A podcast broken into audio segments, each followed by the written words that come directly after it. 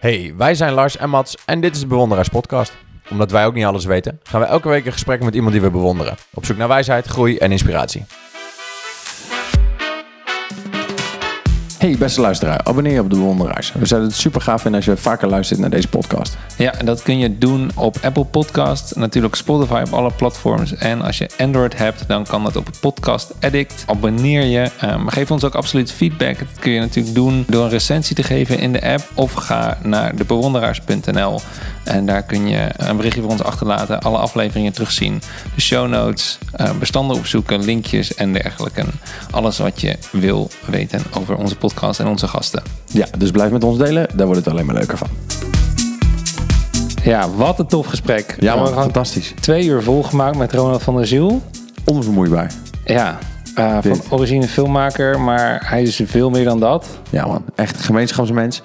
Breng mensen samen, zorg ervoor dat mensen op een plek komen waar ze goede dingen kunnen doen. En uh, ik denk dat het heel fantastisch is. Ja, ik vond het echt tof hoe hij vertelde over de dingen, ervaringen die hij heeft. Ja, alle lessen en ervaringen als vader, mm -hmm. uh, als, als filmmaker en nu in zijn bedrijf. Hoe, hoe die kijkt tegen samenwerkingen en, en um, aan het hoofd staan van een organisatie. Ja. Teams leiden. Ja. Wat belangrijk is in het leven. Als leider, hè? Ja. Niet als directeur. Zeker. Ja, Ja, tof. dus uh, heel erg tof. Mensen genieten ervan. Grappig, want ik ken jou dus niet, hè? Nee, ik ook niet. Maar door die, nee. maar door die podcast. Wie ben je? Nee, ja, dat, is, dat is Lars. Ja. Ik hoort ja, je stem. Oh, grappig. Ja, ja, ja. Ja. Ja, grappig is dat. Ah, leuk. Ja, lachen. Lachen. Maar uh, wat voor podcasts maken jullie? Wij, um, is het nou begonnen, zeg maar? Weet ik niet. Weet ik niet. Dit achteraf besluiten altijd waar we gaan nou, beginnen. begin hier maar niet dan. Oké. Nou ja, ik, uh, wat doen wij? Wat doen wij? Want dat is het eigenlijk. Aha. Ik hou niet zo van ik. Uh, om over ik te praten. Dat was ook toen jij mij belde, Mats. Over, Mhm. uh, we willen jou graag interviewen. Ja. Dan Toen dacht jij, moet ik nou op de Schiet ik gelijk. gaan? eh, ja, Hallo, kan ik van. Maar wat, wat doen wij? Wij zijn een marketing- en eh, een eh, communicatiebureau, een strategie. En wij doen dat eigenlijk alleen voor de non-profit sector. Dus dat doen wij voor zorginstellingen. Wij ondersteunen onderwijsinstellingen, maar ook goede doelen. En dat is een, eh, dat is een niche. Dat Ja. is een Ja. markt waar je, eh, nou, wat soms best wel ingewikkeld is. Want elke euro die een goed doel te besteden heeft, moeten zij verantwoorden. Ja. En die moeten wij dus ook verantwoorden. Nou, dat is ontzettend leuk, want je kan een doel dus heel goed, eh, heel goed helpen. Je kan een doel heel, heel stuk ondersteunen. Maar ja, je moet wel elke euro die je uitgeeft eh, even laten zien. Ja, dat ging hierheen en dat ging daarheen. ja, het moet wel kloppen aan het Ah, eind het moet altijd kloppen, Ja, want eh, precies. het wordt altijd eh, door de subsidieverstrekker of door de overheid wordt het gecheckt. Ja. Van, Ja. En wat heb je met dat geld gedaan? Ja. Ja, dus dat is wel, eh, dat is wel heel leuk. Maar ook wel eens ingewikkeld. Wordt, je, wordt je proces daar dan anders van? Ehm, nee, in principe is natuurlijk, je hebt een doel. Je Ja. hebt altijd een doel.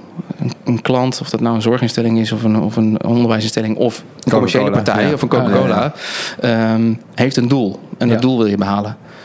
Ehm, je hebt hele dure marketingbureaus die voor heel veel geld dat doel kunnen behalen. Maar dan blijft het soms een beetje schimmig waar dat geld dan nou precies heen ging. Mhm. En dat kan soms ook de naam zijn van een marketingbureau. Of een, Ja, of De precies. zinwevende baas. Juist, ja. weet je, ik ken, ik ken, strijkst- strijkstok natuurlijk. ja, nou ja, Ja. goed. Ik ken, ik, ken, ik ken ze ook dat ze een marketingbureau met alleen maar in Porsches rijdt. Ja, tof.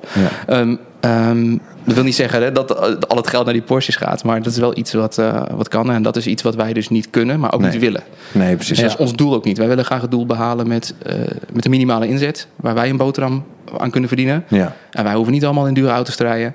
Ehm, maar waar het doel, ehm, het maatschappelijke stuk wat dat Mhm. doel dient, Ja. ook geholpen wordt. dus het is een beetje, een beetje idealistisch, maar... eh, Nou ja, Nou, toch? Ik denk, ook proces wel, wordt een- ik denk ook wel dat het toch waar is dat als je, je hebt een, een, een prijs komt ergens vandaan en als het goed is, eh, kun jij los van waar die prijs vandaan komt, is die het waard omdat jij meer levert dan je kost. Anders dan zouden mensen je dienst niet afnemen of je product. ja, dat Dus klopt. dat geldt natuurlijk Ja. voor een goed doel net zo goed.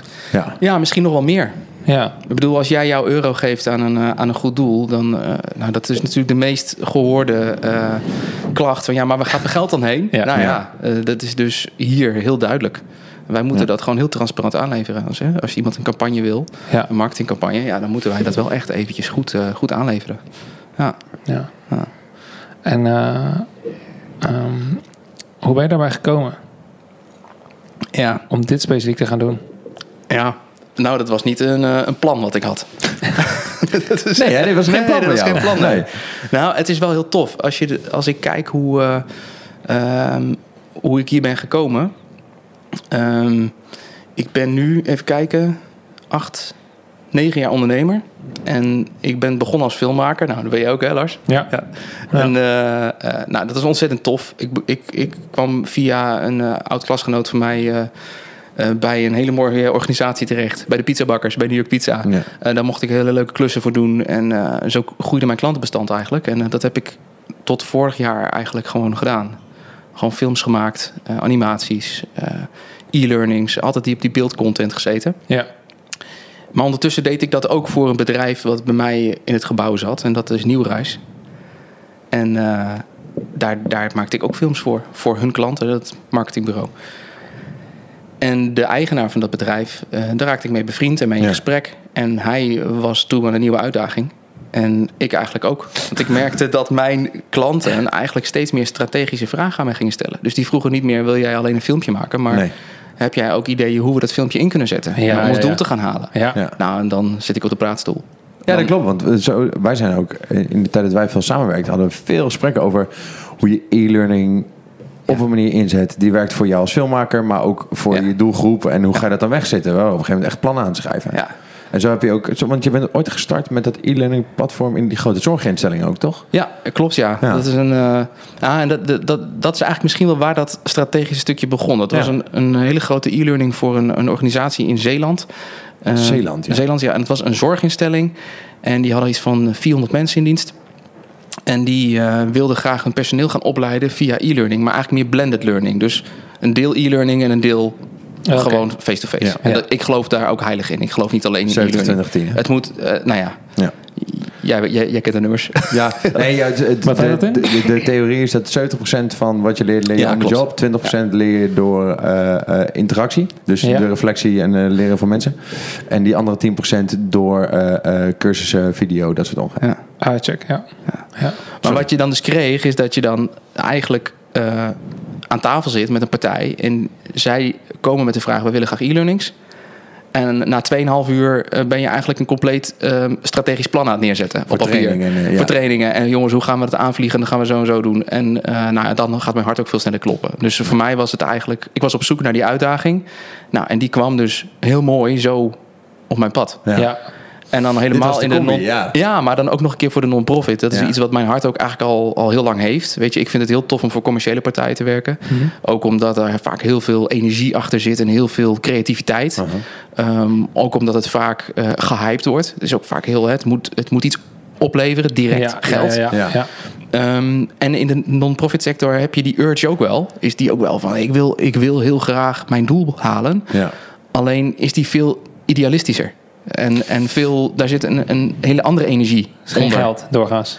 Dat kan wel geld zijn natuurlijk Ja. voor, voor een... een, een, een- Ja, ver, ver om eh, geld op te halen voor een goed doel. ja, ja, dat, kan, het- dat kan het doel zijn. Maar er zit alleen iets anders er zit iets achter. achter. En Ja. die Ja. energie, dat heb ik altijd al gehad. Nou, toen kwam er eigenlijk alles kwam samen. ja, toch. En toen heb ik, ja, hebben we dus eh, de keus gemaakt dat ik dat bedrijf over zou nemen. Mhm. En eh, nu zitten we één jaar verder. En voor mij was het echt even wow, want ik, was een eenpitter. en in één keer heb je elf man personeel. Ja, dat is wel eventjes eh, even wennen. Ja, Ja. best wel Als je, dat je werk krijgt toch? toch? Het is een, ah, dat is ook wel relaxed. Het is gewoon een geolied bedrijf al. Ja. Dus iedereen weet wat hij doet. Oh, jij kon eerst een beetje, bijna, bij spreken een beetje rondneuzen en Ik kijken heb hoe het eerst gewoon eh, een half jaar vakantie genomen. Ik, ga, ik vind het prima. Ik ga even tussenuit. Nee, Ja, dat weet ik. Nee, maar het is wel eh, je, hoeft, ja. je hoeft niet alles te bedenken voor iedereen. Nee, nee, en dat is gewoon relaxed. Het zijn allemaal professionals die allemaal Ja. met hun eigen projecten bezig zijn. En eh, ik heb gewoon het eerste half jaar gewoon is maar zo'n beetje rondgeneust. En mensen ontmoet, mijn, mijn klanten ontmoet. Je Ja. krijgt er ook gewoon klanten bij, hè? Dus dat is ook wel iets bijzonders. Dat, Luxe positie. normaal, nee, maar ik bedoel, bedoel, wij hebben dat opgebouwd. Ja. We- jullie hebben elkaar kennen en je, je, ik ben echt een mensenmens, dus ik vind het fijn om mensen ook echt te leren kennen.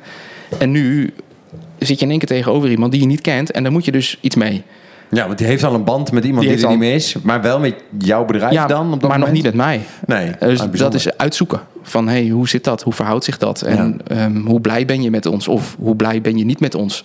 Ja, dat is ontzettend spannend. En ik, kan, eh, ik, ik ben er eerlijk in. Er zijn ook klanten geweest die zeggen... ja, Nou, dat voelt anders. Ik weet het nog niet. Die zijn nog Nee. niet weg, gelukkig. Nee. Maar daar Ah, moet, ja. daar moet je even wat harder voor werken. Ja. Het is echt die persoonlijke klik die toch heel vaak Ja. heel belangrijk is, Ik uiteraard. denk altijd. ja. Ik denk dat je anders niet. ehm, als, als, als wij ooit. Ik moet er wel vaak aan denken. Als wij eh, eh, niet die klik hadden gehad, zeg maar. Nee, dan was het Dan wel was het ook niet gebeurd. Dan hadden Nee, jullie bij mij misschien voor één filmpje ingehuurd. Ja. En was het eh, later. Maar dat zie je ook toch? Want zodra ik wegging en Tom training niet meer ging doen, ben je ook een beetje van de radar gevallen bij New ja. York.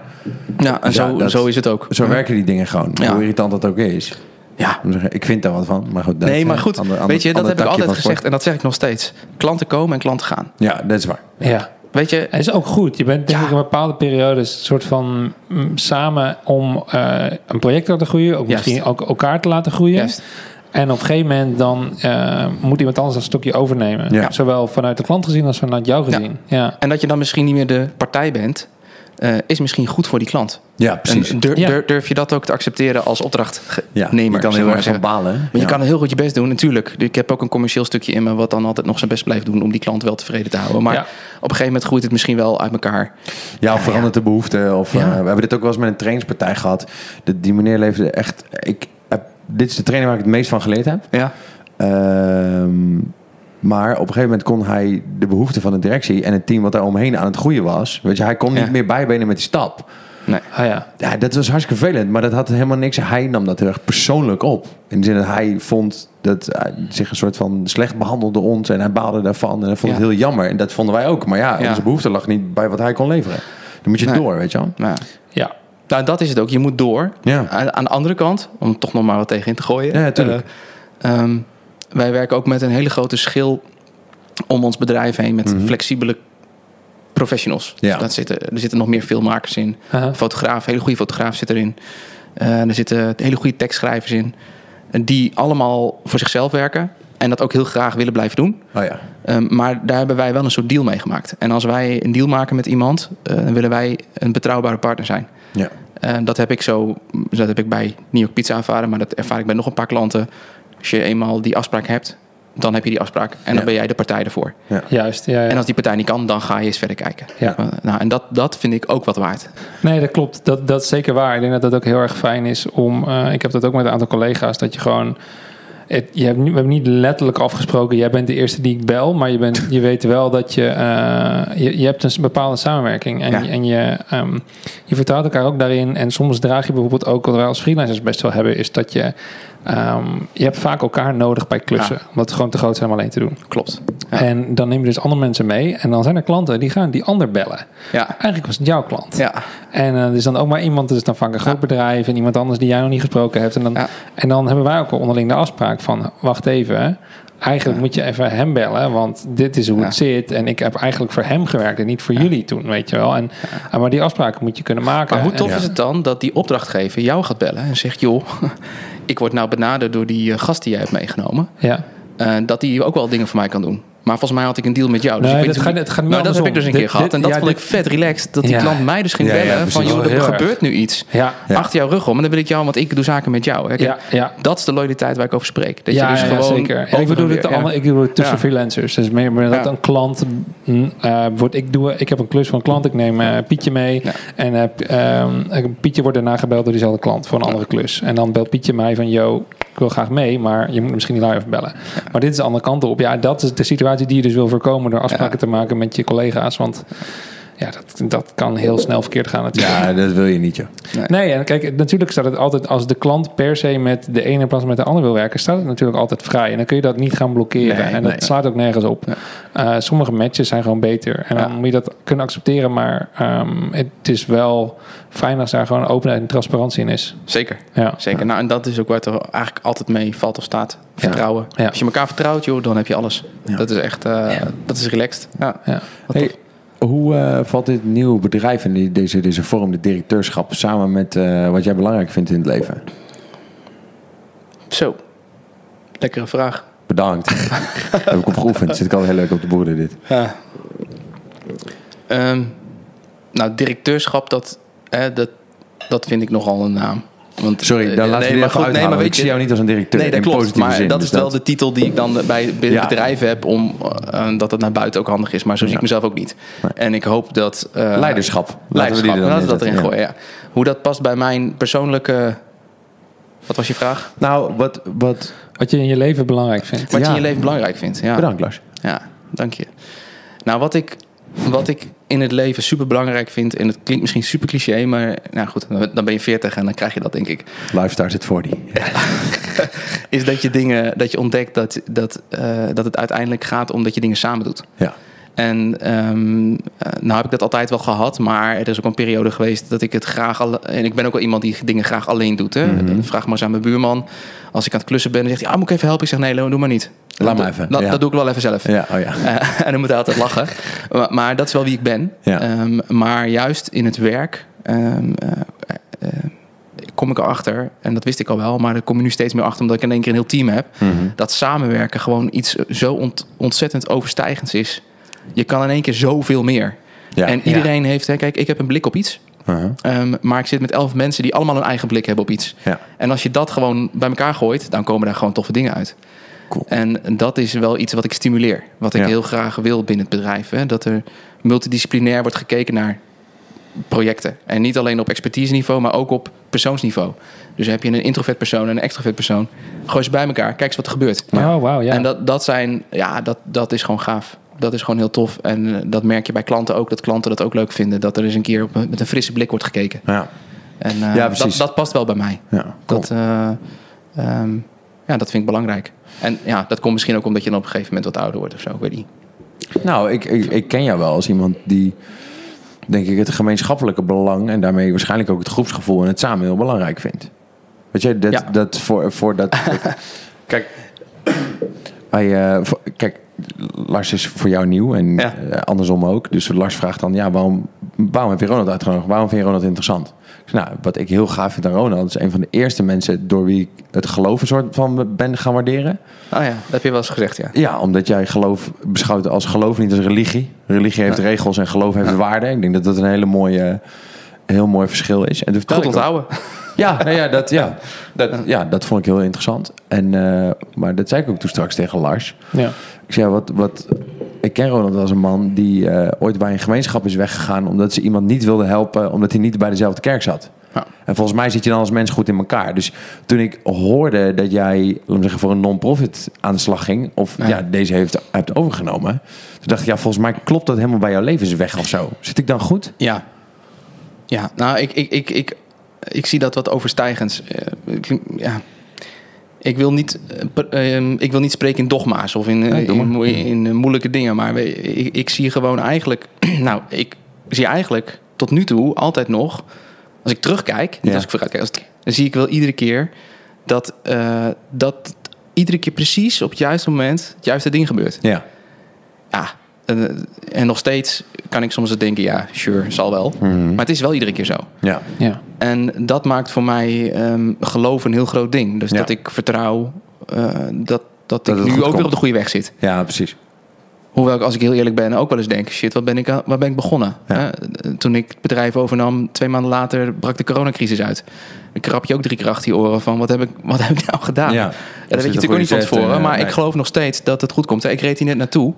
En toen eh, zag ik ehm, bij Teugen zag ik, eh, ehm, iemand uit het vliegtuig springen. Met zo'n eh, parachute. Oh ja, Ja. tof. Ja, wel met parachute, gelukkig. Ja. Maar Ja.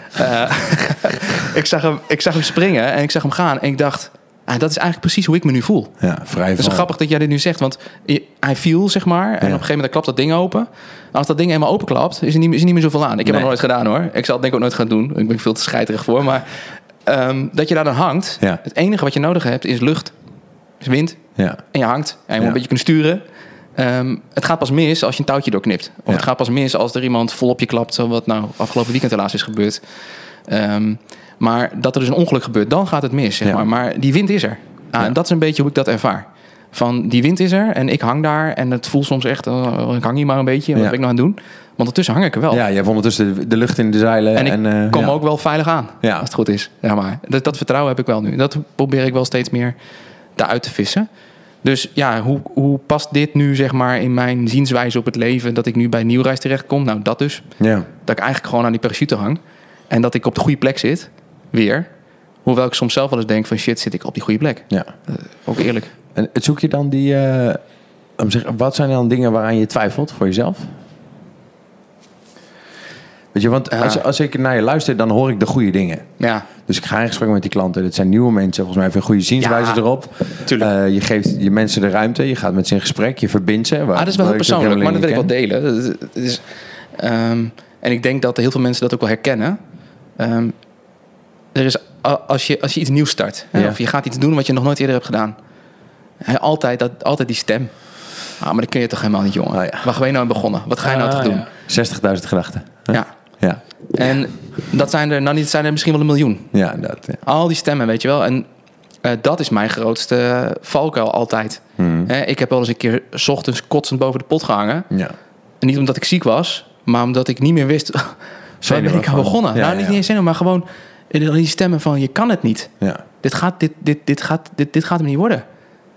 En als je die stemmen het zwijgen op kunt leggen, en dat wil soms maar heel even, Maar soms is een minuut genoeg, hè? wou ik zeggen. Dat, ja. En je laat die ene stem weer toe van ja, maar jij kan dit wel. Ja. En je gaat je daarop focussen, man, dan, dan lukt het weer. Ja, cool. Ja. En het zijn altijd, eh, het is altijd een curve, hè? Dit soort momenten heb je. En je weet ook weer van, hé, daar kom ik ook weer uit. Ja. Maar je moet continu, moet- ja, dat is soms best wel ingewikkeld. En dan heb ik nog maar eigenlijk een heel klein MKB-bedrijfje. Ik bedoel, denk eens aan die gasten die multinationals leiden. En die, eh, die moeten beslissen over weet ik het hoeveel banen. En eh, ja, ik vind dat echt super knap. Ik vind het echt super knap. Hoe die gasten dat kunnen relativeren en, en gewoon eh, kunnen. De vraag is of ze dat laten zien natuurlijk. Hè? We Ja, zaten dat is ook natuurlijk buitenkant. vorige week met, met Patrick Brands te praten. En dan heeft hij het over dat hij zegt... ja, wij moeten een sociaal plan gaan inrichten. Ja, Ja. Waarmee jij en ik allebei weten wat hij daarmee bedoelt. ja, En dan zit hij dat te vertellen. En dan denk ik... Oké, pik. Ja. dat is Maar dan, daarna heb ik daar met hem over. En ik weet hoe hij zich voelt. Ja. Ook omdat ik hem heel goed ken. Weet je wel. Ik weet dat hij dat zegt. Maar dat, hij, dat er van binnen gebeurt er gewoon een hele hoop. Ja. Maar goed, ik denk dat het juist goed is om dat te beseffen. En dan ook dat te delen. En, en, en, want op dit soort momenten, met wie praat jij dan? Nou, ik heb eh, echt een super, super lieve vrouw. Ja, dat echt. ja. Dat is echt relaxed. Ehm, en die, eh, dat is eigenlijk gewoon ook mijn, mijn sparringspartner. Ja. Dat is met wie ik dingen deel. En ehm, zakelijk gezien heb ik eh, zat mensen om me heen hoor. Waar ik gewoon eens Mhm. even bij te raden kan. En zelfs degene van wie ik het bedrijf heb gekocht, weet je. Dan kan ik altijd nog terecht. Van joh, hey, ik loop hier tegenaan. Hoe, hoe heb jij dat afgesproken? Of hoe kijk jij er tegenaan? Ja, dit was een goede overname, toch? Dit was eh, gewoon super Ja, precies, Ja, ja. dit is echt zo relaxed. Ehm, dus daar, daar doe ik het zakelijk mee. Maar dit soort dingen die over het hart gaan, zeg maar, Mhm. of waar je dan in je hart, dat, dat doe ik gewoon met eh Daphne. Want die, die, die, weet, die kent mij het beste. Ja. Ja, en die zegt soms ook dus, ja, ik weet ook niet. Ik weet ook niet wat je bedoelt, maar dat is ook een antwoord, weet je wel. Dat is ook Ja, dat is relaxed. prima toch? Dus het is gewoon een gesprek, toch? En iemand erkent je. Ja. Van, joh, maar ik weet dat je dit... Maar die, die kan ook zeggen, ja, maar dit heb je altijd. Jij, voelt al, jij hebt altijd dit. Als dit gebeurt, dan heb je altijd dat. Ze zeggen En dan ik net weet niet, ook- gaan we weer. Ja. Nee, nee, dat Ja. niet. Eh, dat, dat denkt ze wel, denk ik. Ja. Nee, maar dan zegt ze wel van, maar ik weet ook, weet je, over 14 dagen, dan lacht het leven jou weer tegemoet. Ja. En, eh, en zo is het ook. En dan zitten we op zondagavond met een wijntje en dan kijken we elkaar aan. Daarom. Was Ja. dit nou zo ingewikkeld? Ja. nou weet je, en dat is, ehm, de mens lijdt nog het meest onder het lijden wat hij vreest. Dat zei mijn opa vroeger Mm. altijd. En dat is denk ik, ja, dat was een wijze man, denk ik. Oh, maar dat is, moeten echt podcasttegeltjes hebben. Ja, voor dit soort dingen. Ja, de mooiste quotes uit, Ja. eh, uit opnames. Zeker. maar dat is, Ja. dat is denk ik echt, eh, hè, je kan soms eh, kotsmisselijk worden van een beslissing die je moet nemen. Mhm. Ehm, en tegelijkertijd dus wel dat gaan doen. Dus Ja. nou, eh, een sociaal plan schrijven moet gebeuren. Ja. Dus we gaan er dan ook gewoon voor. En Ja. we gaan die nare gesprekken aan. Ehm, maar je komt er doorheen. Ja. En het viel altijd mee. Ik weet niet of jullie het ook eh, hebben. een keer zo, voor zo'n beslissing gestaan. En ik moet iets doen. En achteraf denk je, nou, het was eigenlijk veel makkelijker dan ik had verwacht. Ik ben blij dat het achter de rug is. Natuurlijk Ja. makkelijk achteraf praten. Maar Nee, vaak maak je je... Bijna altijd maak je je drukker om dat het... Ja, ik, ik heb Ja. een keer een video gezien van Will Smith. En die vertelt... ze was aan de, stond op een keynote. Stond Ja. hij te presenteren en te vertellen over... ehm, de, eh, have you ever jumped out of an airplane? Hm. Eh, parachute dan, hè? niet natuurlijk.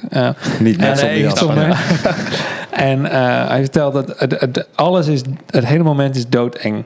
Dus zeg maar alles er naartoe. Je bent er al weken naartoe aan het leven en je gaat leren hoe dat dan moet. En dat je een reserve hebt. Why do I need a backup? Weet je wel, Ja. dat, dat soort What dingen. do you mean? Ja. En dan, en dan op een gegeven moment ben je op hoogte en dan gaat de deur open van het vliegtuig. Het Al- al- klopt aan alle kanten niet. Het opstijgen al, dat die wielen van de grond komen, dat je denkt, nu ben ik... Nou, Ja, daar zou ik hem al aan? Je bewust. hebt natuurlijk wel vaker in de vliegtuig gezeten, maar dan die deur gaat open en dan, en dan zeggen ze ja. Ze tellen dus af 3, 2, 1, maar bij 3 stappen ze er dus al uit. Oh shit. hey. En want anders gaat iedereen ze vasthouden. Ja. En, maar zodra alles is doodeng, Ja. je bent er alleen maar je bent doodsbang. Ja. En op het moment dat je begint te vallen, Ja. is het volledige overgave en Ja. volledige pure bliss. En is het ook weg. Bliss, ja. Ja. Ja. Tof, ja. Ah, nou, dat, is, dat is het, denk ik. Dus als je er eenmaal, ehm, als je dat feest, wat je ergens tegenop ziet, als je er echt naartoe gaat en je komt daardoor, Ja. Ja, dan, dan is het overwinning. En ik denk Ja. hoe vaker je dat ook doet, hè, hoe, vaker makkelijker je, het wordt, toch? Hoe makkelijker het Ja. wordt. Ja, want je leert denk ik jezelf dat het allemaal wel meevalt. Of zo. Ja. Ja. Snap je dat? Ik heb dat ook met dingen. Dat, eh, dat is met Ja, het hardlopen. Of die 5000 burpees. Ja. Oh, maar nee, die waren gewoon kut. Oké. Sorry, Ja, burpees is echt ellendig. Ja, maar, maar, maar ehm, ja, burpees, fuck. Dat is ook wel een kleine rectificatie, want eh Mats had eh, een week voor het einde van de maand eh, waren we aan het voetballen bij een eh, recreatiemeertje en had nou, eh, eh, was een beentje, een voetbeentje gekanteld of iets dergelijks. Nee, mijn middenvoetsbeentje waren Ja. gekneusd. Ja, nou dat. We waren echt super stom. Niet eens, laat me zeggen, fanatiek. We waren gewoon een bal aan het overtrappen. Ja. Achterloos nadat we stonden, hadden gebarbecued met z'n allen. En er komt een bal echt vanaf 40 meter ver weg, 30 meter de hoogte en komt Shit. naar beneden. En Mark, een andere vriend van ons, staat daar. En ik denk, oh, als die bal zo komt, dan kan ik zo uithalen en dan kan ik hem in één keer doortrappen. Ja. Zonder dat hij de grond raakt. Op blote voeten. Op blote voeten. Maar dit was te achterloos. Ja. Dus ik schop met de bovenkant van mijn voet. En toen voelde ik hem al wel, maar ja, je gaat niet toegeven natuurlijk. Nee. Een stoere jongen. ja. En eh, Toen heb je nog even lekker de avond doorgehaald. nou ja, natuurlijk. En toen zaten we dus op het terras om één uur. En eh, om één uur eh, paste mijn voet niet meer in mijn schoen. Oh shit. En toen dacht ik, ah ja, dat zal wel meevallen. En toen ging ik dus op die voet staan. En toen viel ik er doorheen. Ja. En toen ben ik s'nachts naar de huisartsenpost geweest. Ja. Maar goed. En toen Dus- kwam er van die burpees niks meer terecht. Nou, ik heb dus de maand afgemaakt met crunches en push-ups. Ja. Maar ik kon niet meer op mijn voet springen. Dus eh, dat. Dus als je echt wil weten hoe 5000 burpees voelen. ja. Nou, ik heb, ook. Ja, maar ik heb ook al een klein beetje gefaald, want eh, ik had... eh, ik Wat had eerlijkheid allemaal. Ja, jongens. ja, je moet er wel eerlijk zijn. hè. En- dat is denk ik ook het hele idee. Is die je wil hier een les uithalen. En eh, dit ging eh, tot, 100, tot 200 of zo. Ging het eigenlijk zo gewoon vlekkeloos goed. Was zwaar, maar het ging goed. En Ja. op een gegeven moment had ik eh, een paar echt vervelend lange werkdagen. Echt 17 uur. Oh, waarin je niet Ja. moment voor jezelf hebt. Ja. En dan ben je echt ontzettend blij als je een bed hebt gevonden. Eh, en dan niet wil uit je, wat, Dan wil je niet nog 280 Nee. burpees doen. Nee. Het was ook nog op 3000 meter hoogte in de Franse Alpen. Eh, ik heb er dan 's ochtends 50 gedaan en dan deed ik er nog hier Maar je deed dus wel wat nog. Ik deed wel wat, Ja. maar ik, ik haalde dat volledige aantal haalde ik niet meer. Ik, ik was gewoon te kapot en ik was zo bang dat... dat Maar is dat, dan, is dat dan falen voor jou? Ja, een beetje wel, want ik heb toch wel gewoon met mezelf afgesproken. Ik ga dit doen no matter what. Uh, maar tegelijkertijd hebben we denk ik wel heel erg geleerd dat dat no matter what... Dat, dat, dat slaat nergens op. Want dit is niet belangrijk genoeg om andere dingen... Uh, kijk, dus op het moment dat, dat je werk en dus ook iets waar... Je bent op, ik was op een shoot met 14 mensen Ja. of 11 mensen of zo. Ja, dat betekent dus dat als ik niet sta op te letten, uh, omdat, uh, omdat ik niet uitgerust ben vanwege die stomme burpees, dan heb, betalen tien mensen daarvoor. Ja, weet je nee, wel? dat is Letterlijk zuur. en figuurlijk. Ja. En dat, dat gaan we niet doen. Nee. En dan, Dus- dan zit er nog een financiële prikkel achter. Maar nou, niet, niet zozeer dat, maar gewoon verantwoordelijkheid. verantwoord, niet zozeer Ja, financieel, verantwoordelijkheid. verantwoordelijkheid voor anderen. Ik wil daar, ik, eh, weet je, ik word betaald en, en er wordt aan mij verwacht om eh, dat ik daar eh, in mijn beste capaciteit kan staan. Ja. Ja. Dus dan ga ik dat doen. En, en hetzelfde was nu met die 5 am club. Want deze maand zeiden we, we gaan elke dag om 5 uur opstaan. En dan Ja. ga je twee uur aan jezelf Ja, ik heb een werken. paar fotootjes gezien. eh, s ochtends vroeg Ja. Ja. dat jullie lekker aan de wandel waren. ja, Ja. en, Nou, en dat waren een paar. Het, het ding is met een paar. Kijk, eh, wij deden dit. En de eerste twee dagen dat we het deden, had Mats, die was om half twee s'nachts thuis uit werk. Dus Dus slaap sliep je om half drie aan. Half drie. Ja. Als dan een wekker om vijf uur gaat, dan zie je er na twee dagen niet meer zo uit. En dan voel je je helemaal niet meer zo. dan voel je je brak. Ja, Heel dag drie belangrijk. was ik echt gesloopt. Toen reed ik naar huis. En toen dacht ik, oké, dit is gewoon gevaarlijk. Ja, niet doen. Wij posten dit op, eh, op Instagram en Ja, we dat heb ik kregen gezien. allemaal alien ehm dingetjes, berichtjes terug van mensen van wie staat er op de achtergrond. En dat was echt, ja, het was wel heel Ja. ja, dus ehm Ja, en toen hebben was we toen ik vind het wel van- leuke uitdagingen, weet Nou, je, weet want je, het inspireert wel. Ik vind het, als ik dat zie, dan denk ik, ah, ik moet ook wat, ik moet, nou goed, ik zit nog in de kleine kinderen, maar ik moet ook eens een keer wat vroeger opstaan. ja, Ehm, eh, het is wel, het hoeft niet iedere dag. Nou ja, het ding is Maar- dus dat, dat we hebben dus wel, eh, we zijn, het is zeker niet opgegeven. Nee. Ehm, we zeiden wel van, wacht even, wat is We hebben het werkbaar idee- gemaakt. Ja. Wat Juist. is het idee hiervan? En kijk, het heet 5am Club omdat dit is, komt uit de VS. Iedereen begint om 8 uur met werken, staat om 7 uur op. Dus dan moet je om 5 uur opstaan. Wij kunnen in principe meer onze eigen dag indelen. Ja. Het idee is dat je twee uur voor jezelf hebt voordat je er voor de wereld bent. Ja. Of dat nou om 5 uur is of om 8 uur. Dat, Ja, ook in relaxed, gevaar. hoor. Dat maakt niet Nee. uit. Nee. Je hebt Dus- je eigen tijd. Als Ja. je maar zorgt dat je dit doet. En ook voordat je andere dingen doet. Want anders dan sneeuwt het onder en dan gaat het weer mis. Ja. Dus, dus nu schuiven we het wel een beetje meer om. En kunnen we dus wel misschien een keer gaan stappen. Of wel dat laten werken. Dat laatste gebeurde deze maand heel veel. Ja. Ehm, maar dan... het is echt... eh, ja, Echt maar een slechte maand ook voor deze Ja. Nee, maar Ja. we- da- da- weet je wat ik hieruit hoor? En dat is ook een les die ik mezelf heel vaak voorhoud. Is dat als ik eenmaal iets in mijn kop heb, heb ik het niet in mijn kont. Dan gaat het ook gebeuren. Ja, ja, dat, ja. Ehm, dus als ik bij mezelf, ik, ik ga dus niet zo dus idi- idiote dingen lopen roepen van 5000 burpees, want dan moet ik het doen ook. Voor mezelf, nee, gekheid, maar weet je, wel. maar Ja, dat dan- je. Maar dat is soms 100%. ook een manco van jezelf, dat, van, van mijzelf, dat ik dus, het moet af. Eh, Ja. Wij zijn net verhuisd Ja. en ehm, eh, die badkamer had ik besloten, die ga ik zelf maken. Oh ja. Nou, eh, ik heb een hele toffe zwager. Die heeft mij, eh, het, heeft mij een heel stuk op weg geholpen met ehm, sleuven maken en weet ik het allemaal, waterleiding aanleggen. Maar nu ben ik zelf bezig. Ja, en er zijn zoveel mensen die zeggen, joh, vraag gewoon hulp. Besteed het gewoon lekker uit. lekker uit. Ja. Nee, ik heb gezegd dat ik het doe. En dan ga ik het doen ook. We Ja. zijn nu een half jaar verder, hij is nog niet af, hè? ja. En dat betekent niet omdat ik eh help mijn man is klusser. ik wilde dit niet zeggen, maar ik zal Daphne wel even ja, even, Ja. inderdaad. Ja, nee. Maar ehm, Anoniem iedere opgeven. zaterdag gebeurt er iets.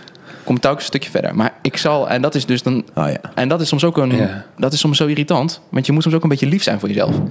En zeggen, joh, weet je, het is gewoon helemaal niet slim dat ik dit doe. Nou ja, Want dat ik heb een ik- hartstikke drukke baan en ik ben er hartstikke Ja. druk bezig. En dan ook nog iedere zaterdag, joh, ga gewoon eens even een paar zaterdagen niks doen. Nou, dat doe ik dan af en toe ook wel eens. Nou, maar, dat klopt. Dat hadden wij met die burpees. Of wat ik toen op dat moment. En eh, dat is wel grappig, want wij hadden dit eh, van de week. En toen eh, vertelde Mas dat zijn vriendin tegen hem had gezegd: Weet je wat voor jullie een goede challenge zou zijn? Een maand geen challenge doen.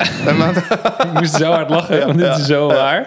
En toen zei ik, ja, ja. En bedoelde ik eigenlijk, je hebt gelijk, lieverd. ja, ja, dat klopt dan toch? Ja. Of niet? Ja, dat is ook wel tof of zo. Vind ik wel mooi. Ja, dus het dat is echt wel, Ja. eh, dat is absoluut waar. Ja. Wij plannen dit ook altijd heel slecht. Dus Oh, op het moment dat Ja. we maar een week eh, samen in Apeldoorn zijn. Want dit wil je juist samen doen om er Ja. doorheen te komen. Eh, Want we hebben dit, we waren ook een keer een weekend weg met een hele groep. En toen hebben er dus heel veel mensen meegedaan. Nou, daar ga je echt niet stoppen niet. Nee, nee, maar dan, heb je, dan, is, het, dan is het met z'n allen. Weet je wel, dan Ja, doe je dat, dat ook. gaat En dan sneller dan ja, ooit. We Klopt. waren ook Ja, dat is nog wel- We waren ook kapotter dan ooit. Ja, maar het- dit, dit soort gedrag, zeg maar, Ja. kan je ook heel ver brengen. Hè? Want dit Dat is doe je dan, dat zijn je eigen challenges, maar dit doe jij in je werk waarschijnlijk ook. Jij doet in je werk als jij iets, iets begint, Ja. eh, maar zorg ook dat je- dat afkomt. Natuurlijk doe je dat, maar no matter what. Eh, dat is de afspraak met de klant, dan gaan we er ook voor. En dat is Ja. wel, eh, dat is een mooie eigenschap. Ja. En die hebben heel veel mensen, maar ook, ook mensen, niet, mensen hebben het ook niet. Nou, ik heb die Ja. bijvoorbeeld niet. Maar met Nee? dit soort dingen leer ik wel dat het kan. Weet je, dit begon natuurlijk toen wij gingen hardlopen. En toen dachten we eigenlijk allebei... oké, misschien dat we na vijf kilometer nog leven. Weet je wel zo. Ja. Maar uiteindelijk hebben we, hebben we gewoon die hele challenge kunnen volbrengen. Met elke dag een maal meer.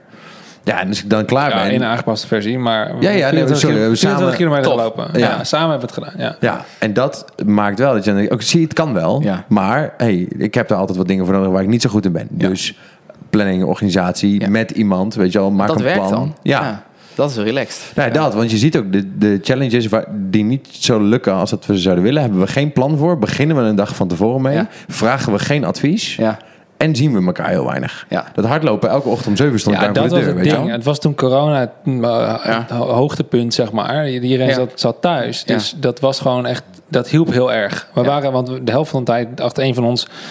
Meen je dit? Ja. Moet dit nu? Ja. Moet dit is het laatste waar ik zin heb om half Ja. zeven 's ochtends? Ja. Maar, Maar de je ander stond dan te stuiteren Ja. voor je deur. En dan ging je wel. En ehm, dat, was, dat hielp heel erg. En we hebben gewoon een halve marathon gelopen in drie, nou, met drieënhalf week training. Dat is best wel, eigenlijk Ja. best wel tof. Zonder voorbereiding. Zonder met drie- voorbereiding. met drieënhalf week voorbereiding. Maat, ik maar. moest halverwege nog stoppen met roken. Ja, nee joh. Ja. Echt. Ja, nee, Zo. Hey, na Oh. anderhalf, twee weken toen was hij nog steeds... was 14 hij- kilometer. ging hij op een gegeven moment gestopt? Nee. hij- Oh, hij ging, 1 echt, oktober. Hij ging echt slecht op driekwart van het rondje. Ja, en die geloof elkaar aan en zei, ben je nog steeds aan het roken? Ja, oké. dan. Ja, klaar, nu is het klaar. Ik stond te hyperventileren. Dat is de reden waarom ik, ik, ik, ik, kan niet, ik, ik ben geen hardloper. Ik ben hem gestopt. Ik heb het wel geprobeerd. De 5 kilometer, 10 kilometer. Maar ik vind gewoon echt geen reet aan. Ook niet. Maar met z'n tweeën vind ik het wel leuk. En ze- ah, alleen doe ik het ook niet. Nee, dus ik heb gezegd, dat ga ik gewoon, ga ik gewoon nooit weer doen. Nou, dus het het is nou gewoon krachttraining, is veel leuker. Ja. Vind ik, vind ik veel heb leuker. ik ook hoor. Vind ik ook leuker. Merk ik ook Ja. Het is net even op een andere manier bezig zijn. Ligt ook aan je bouw, denk ik. Hoe je, eh, Nou, ja, jij bent wel ja. hardloper, Mats, denk ik. Ik heb wel een duurloop. Ja, ik deed vroeger ook altijd hardlopen. Eh, alleen, eh, ik merkte wel... Ja, ik vond het ook wel leuk. Want ik heb de- een paar weken daarna... ben ik het zelf ook wel blijven doen. Goed. Maar ik doe het wel... Sporten doe ik het liefst in mijn eentje. Dus ik was laatst ook bezig met... sociale dingen zijn altijd heel erg mijn afleiding. ja. Ehm, en ik vind sport heel erg leuk. Maar dat niet alleen. Dus ik dacht juist... Oké, als ik nou in plaats van dat ik elke keer de kroeg in duik... of Ja. ga zitten lunchen... gewoon ervoor zorgen dat ik met mensen ga sporten. Dan kan ik dat een beetje verenigen, weet je wel. Slim. Ja, Ja. maar goed, ik moet nog even een nieuwe hardloopbuddy vinden. Ja. Nou ja, ik vind het wel Met je biertje in je hand. Maar, Nee, ja, maar het kan niet altijd, genoeg. toch? Nee, ja, ja, maar maar- dat is dus het ding. Ja, is ja, dat- jij hebt heel erg onregelmatig gewerkt. Ja. Dus dat- Ja, en is ik niet heb, zo dat je die mee mag als je en wel ik heb eh, de helft van het, van het jaar zit ik in het buitenland voor shoots. Dus Ja. dan, ehm, ja, dat is heel fijn. Ja. En in dat opzicht, het maakt alleen wel heel erg lastig om afspraken met andere mensen Ja, te maken. En snap ik. zeker dit soort, zeg maar, Ja. dingen die van, oké, we gaan elke derde dag dat doen. Dat Ja. gaat dan heel, heel vaak niet. Weet je wat ik hier dan wel weer uithaal? Hè? Als ik jullie dan zo hoor ook. En ondertussen eh, spiegel ik dat even aan hoe ik dat zelf doe. Er is één woord wat maar eigenlijk twee jaar geleden. ehm, eh, we- nee, moet ik even bij het begin beginnen. Wij gingen naar een kerk in Amsterdam, Ja. En eh, er was een woord. En dat woord dat kwam eh, eigenlijk iedere keer terug bij mij. En dat was eh, een dienst, die is helemaal in het Engels. En dat was perseverance. Ja, Ja. Vol, volharding. Volharding, ja. Ja, en dat woord, nou, eh, ik wil mijn tattoo nog een keer uitbreiden. Misschien dat ik dat woord nog eens een keer op mijn arm ga laten zetten. Ja, want tof. weet je, dat is eigenlijk waar het om gaat. Ja, Ja, het gaat om volharden. En of je dat nou ehm, in je gestelde doel wil doen of niet, Ja, keep pushing, weet je Ja, wel? dat, ja. Ook als je over je doel heen en je zegt ik wil het binnen drie weken doen en het lukt niet, gewoon door blijven gaan. Dan doe je het maar binnen vier weken, maar je gaat het doen. Ja, dat, ja. Ja. En dat is wel, ik vind dat gewoon zo lekker. Ja. En ehm, op geloofsvlak ook ehm, groter, dat is wat ik dan uit de kerk Mhm. haalde, is van het leven is soms ehm, eh, best wel eens ingewikkeld. Soms is het ook heel relaxed. Dus Ja. als het lekker gaat, is het lekker. Hebt soms is, downs. ja, soms is het gewoon kut. En dan Ja. is het gewoon irritant. Wat, wat, wat moet ik dan? En dan ook volharden, zeg maar. Dus volharden van, joh, maar het komt goed. En dat is dan, zeg maar, wat ik geloof, dat het goed komt altijd. Ehm, wat was het? Wie, het zou Sinek kunnen zijn, maar ik weet niet zeker. Daar zijn jullie helemaal gek van, toch? Of Ja, nee, eh, dan weet- weten jullie zeker of het wel of niet van hem is. Maar ehm, in the end, everything will be alright. Ehm, if it's not alright, it's not the end. het klinkt, zelfs de manier waarop je het zegt, klinkt als hem. Maar Ja, maar dit is wel- heb weet zijn niet of dit- stemmetje geoefend. het- het- Ja, ik zit hierop. Ronald is ook stemacteur, maar dat hebben we niet verteld. Nee, ik weet niet zeker helemaal of het hem is. Maar Of dan is het iemand anders. Maar ik, vond het zo, ik vind het sowieso Ja. een briljant iets. Weet je. En het ja. eind komt het gewoon altijd goed. En, ehm, dus als het nu nog niet zo ver is, volhard dan gewoon. Want dat, je gaat het wel halen. ja, ja, ja. En dat is soms ook een beetje eigen inzet. Nou, de aanhouder wint, harder. En, Ah, wel vet. Ik heb eh, een paar maanden geleden een korte documentaire gemaakt over een Nederlandse mountainbikester, Anne Terpstra, voor eh, een klant. Het dan haar, haar ehm, hoofdsponsor, Ghost Ja. Bikes. Ja. En ehm, zij, op haar eerste wedstrijd die ze reed, was Ja. de allerlaatste. Drie kwartier na de winnaar binnen. maar ze is aangekomen. Ze is aangekomen. Vorig jaar won ze haar eerste wereldbeker. Ja. Het allerhoogste niveau er is. En dat is, met dat is met hele kleine stapjes gegaan. Ja. Elke keer een klein beetje beter. Ja. En met volharding, maar ook met een hoop passie en liefde en Ja. energie. En, en niet op de manier van ik moet dit, Nee. maar gewoon ik wil dit en ik wil dit. Echt een geloof in, in, Ja. in, in, in, in dat, dat, dat- ding wat aan, de- aan dat stipje aan de horizon. Ja. Ja. Als je dat gewoon blijft doen, Ja. ook als het kut is. En dat is het. Ja. Als het makkelijk Ja. is, als het lekker gaat eh, met je Ja. wielrennen, dan is het fijn. Maar als jij gewoon dus inderdaad, je wil je burpees doen en je, je voet stopt ermee. ehm, ja, dan heb je daarmee te dealen. Ja. Ehm, maar volhard dat het dus misschien wel gaat lukken. Ja. Misschien niet binnen de tijd die jij zou willen. Dus maar Mats, in, in nee, ieder geval... niet, niet, je hoeft niet nog een nou, keer alsnog maar dit is te wel bijvoorbeeld wat... Dat, ik had dat de eerste dag. Dat ik dacht, shit. Want ik zat er eigenlijk best lekker in. Daar was ik best wel trots op. Omdat dat, we hadden het hierover. Dat, ik weet, ja, jij kan je dat nog wel herinneren. Huh? We hadden het twee dagen ervoor welke challenge we dan gingen doen. We hadden het namelijk al drie weken erover. Maar we hadden nog geen besluit genomen. Nee. Ja, en ik had een paar maanden eerder al een keer gezegd, we gaan de burpees doen. Want Ja. het is de ergste die er is. Ja. En, mijn, mijn reactie was zoiets als sterf, zak erin, je bent niet goed. Weet je wel, dat was een beetje de context. Maar dan liefdevol uiteraard. En eh toen zeiden ja, push-ups, pull-ups, in mijn schouder. En toen zei ik, oké, fuck it, we gaan wel burpees doen, weet je wel zo. Ja. En ik dacht, ik kan er niet meer dan 10. Dus toen op een gegeven moment, toen, toen ik dit gebeurde met mijn voet, was ik op 220 of zo zaten we. Ja, 210, zoiets. Ja. Dus ja, ik baalde er heel erg van. Tot ik op een gegeven moment dacht, ja, maar ik moet, ik moet gewoon iets doen. Ja. Laat me zeggen, het is ook shit om, laat me zeggen, 100 push-ups en 100 eh, crunches te doen. Dan maar zo even er doorheen of zo, weet je. Maar we gaan niet stoppen of zo. Nee. Ja, dus je hebt nog wel wel echt al sick veel eh, gedaan. Ja, en ik heb dus toen wel een paar dagen eh, echt de hegelverzwakte versie gedaan. De laatste, Ja. Toen de laatste dagen was ik weer terug in Nederland. Toen heb ik gewoon weer 300, 310 gedaan. Bam. Eh, en nog 40 erachteraan die ik nog van een andere dag ergens middenin nog een keer gemist had. Ja. Gewoon Maar ja, inhalen. goed. Maar dat is toch ook ja, volhard, hè? maar dit is Ja, niet dat is ook Nou, dat vind ik wel tof. Ik, ik, Ja. ik, ik, ik eh, vind dat gaaf. Maar Ik had er eigenlijk dus nog echt heel veel meer moeten doen. Maar dit, dit komt wel een keer of niet? Ja. Nou, wat de grap wel is, en dat is wel leuk wat je Mats heeft met het hardlopen, is eh, je doet het nu meer. Ja. En ik vind nu, ik had vroeger een scheidhekel aan burpees. En nu, ik vind ze best wel chill. Maar je weet dat je het kan maar je, werkt ook, je wordt er ook veel beter in. Omdat je zoveel doet, ga je er ook... Oké, je Doet ook er dus nog duizenden, dus hoe ga, Ja. moet ik dat dan precies doen? En Ja. je eh, uitvoering wordt steeds beter. Ja. En nu is het eigenlijk gewoon een goede warming-up. In plaats Ja. van iets waar ik vreselijk tegenop, Tegenop zie. zag, ja. Ja, hij belde mij ook half of ik stuur een face mo- voice memo naar, op dag 10. Dus, Ja. Maat, ik ga vanaf nu elke dag, oh, dat is niet gelukt denk ik, Ja. maar elke dag 100 burpees doen. Zo van, Ik- dit nou, voelt zo mezelf, lekker. Ja, ik zie mezelf het wel elke ochtend doen. Gewoon Ja. als onderdeel van een Ja. beetje wakker worden. En dan moet je dus eigenlijk, dat moet je dan ook inderdaad blijven doen. Hè? Want ik merk dat zelf ook. Ja, Ehm, maar dan, ja, dat hem, ja, klopt. En eh, natuurlijk, dat gaat wel eens mis. Want ehm, nou ja, goed, wij, eh, wij kregen een huis. Hartstikke tof. Ja, Even stoppen met sporten. Ik zat er lekker in. Twee keer in de week. Twee uur sporten, keihard. let's go. En ik had het lekker in mijn, in mijn- in mijn vel. En dan Ja. krijg je zo'n huis. En dan denk je van, nou, uh, stop ik even. Dan ga ik even klussen in het huis. En dan ga Ja. ik daar weer oppakken. En toen brak corona uit. En daarna dan... Ritme En probeer, probeer er dan maar eens in te komen. gewoon dat is lastig, weet je. man. ja. Maar goed, Ja. ik, moet, ik moet er weer aan geloven. Nou, je moet denk ik wel... Ik, Volgende week. Ik heb het ook heel erg... eh, dus ik heb ook een huis verbouwd vorig jaar. En Ja. dat, tijdens de grootste deel van de verbouwing had ik nog wel tijd om te sporten. Toen op een gegeven moment brak ik mijn schouder. Maar dat was dan het begin. Nou, anyway. eh, ik weet niet meer precies. Maar ik heb in ieder geval nu een hele tijd... Ik was echt nu een half jaar niet in sportschool geweest of Nee. zo. Tenminste, niet om krachttraining te Nee. doen. Wel veel met mat, burpees en andere dingetjes. Maar niet echt krachttraining. Nee. Dan was ik de vorige week weer en dan vond ik het zo chill. En dacht ik, ah, Ja. dat moet ik gewoon echt weer drie, vier keer in de week doen zoals Ja, vroeger. lachen. Dat is echt fijn. Uh, Maar je voelt je ook moet- wel lekkerder, toch? Ja, ja, maar je, dit werkt voor mij heel goed. Maar je moet er wel echt je leven om, of je leven, je moet je agenda erom inrichten. Ja. Dat Ja. dit ook echt kan. Je moet Ja. het belangrijk genoeg maken. Absoluut. Ehm, ja, hoe, hoe doe jij Nou. dat met, met werk en andere Ja. dingen? Zeg maar prioriteit en de sport Nou, dat of, wilde je, ik of, je, eigenlijk net of je zeggen. familie, de- je, je, Ja. je vriendin, vrouw. Ja. Eh, die, hoe, die, waar stel je prio, hoe, hoe zorg je die prioriteiten dat Maar het goed ligt? Ik wil het bruggetje net maken. Ik merk, ik merk dat ik dus heel erg... ehm, als een gauw ik niet sport, eh, is dat slecht voor mijn geest. Ja, dat ik, heb, ook. dit- ik heb dat nodig. Als ik dat niet doe, dan eh, kan ik zelfs een beetje depressief van raken. Weet je wel? Soms denk ik, shit, dit, hoe, hoe moet ik dit doen? Of, ehm, terwijl als ik sport, heb ik dat niet. Nee, dan heb ik ook. eh, is er een lekker beetje die, achterloos, zagrijnig, nou ja, dat, dat. depressief. Ja. En dan heb ik gewoon, dan heb ik lekker die endorfine en Ja. dan eh, lekker, lekker chill. ja. Maar sowieso planning. Weet je, planning is altijd lastig. En helemaal, eh, ehm, wij hebben twee kleine kinderen. Of kleine kinderen. De eh, Mhm. oudste die wordt zes en de jongste die wordt drie straks. Eh, maar goed, die zijn nog wel klein. Dus het kost gewoon veel tijd. En ehm, dat heb ik nooit zo gezien. Altijd als mensen om me heen, kleine kinderen. eigenlijk altijd, oh, joh. Totdat je ze zelf hebt, jongen. Echt, eh, het is super lief hoor. Ja, Ehm, maar het is wel pittig. ja dat En eh, dat, dat, dat, maakt wel, ehm, dat maakt het wel dat je echt gewoon goed je tijd moet plannen. Je moet goed kiezen wat je wanneer doet. Dus ik werk op vrijdag, werk ik, oh, corona of niet, ik werk op vrijdag thuis. Oh ja. Dan heb ik het kleine jongen bij me en Ja. dan ga ik lekker mee naar de kinderboerderij. Dan ga ik leuke dingen mee doen. Uh-huh. Ehm, ja? Ik wil even pauze lassen, want volgens mij ligt mijn telefoon nog op het terras. Oh, gast. ga ik zo meteen opnieuw beginnen. Nee, Even. Mats ook, of niet? Ik weet het niet. Ik denk het wel. Even Nou, ik probeerde jou net te bellen, Mats. En toen eh, Ja, nam je ook niet op. Wij hebben namelijk, wij hebben namelijk, eh, ja, wij hebben namelijk spullen op. Wacht even, ik ga even lopen.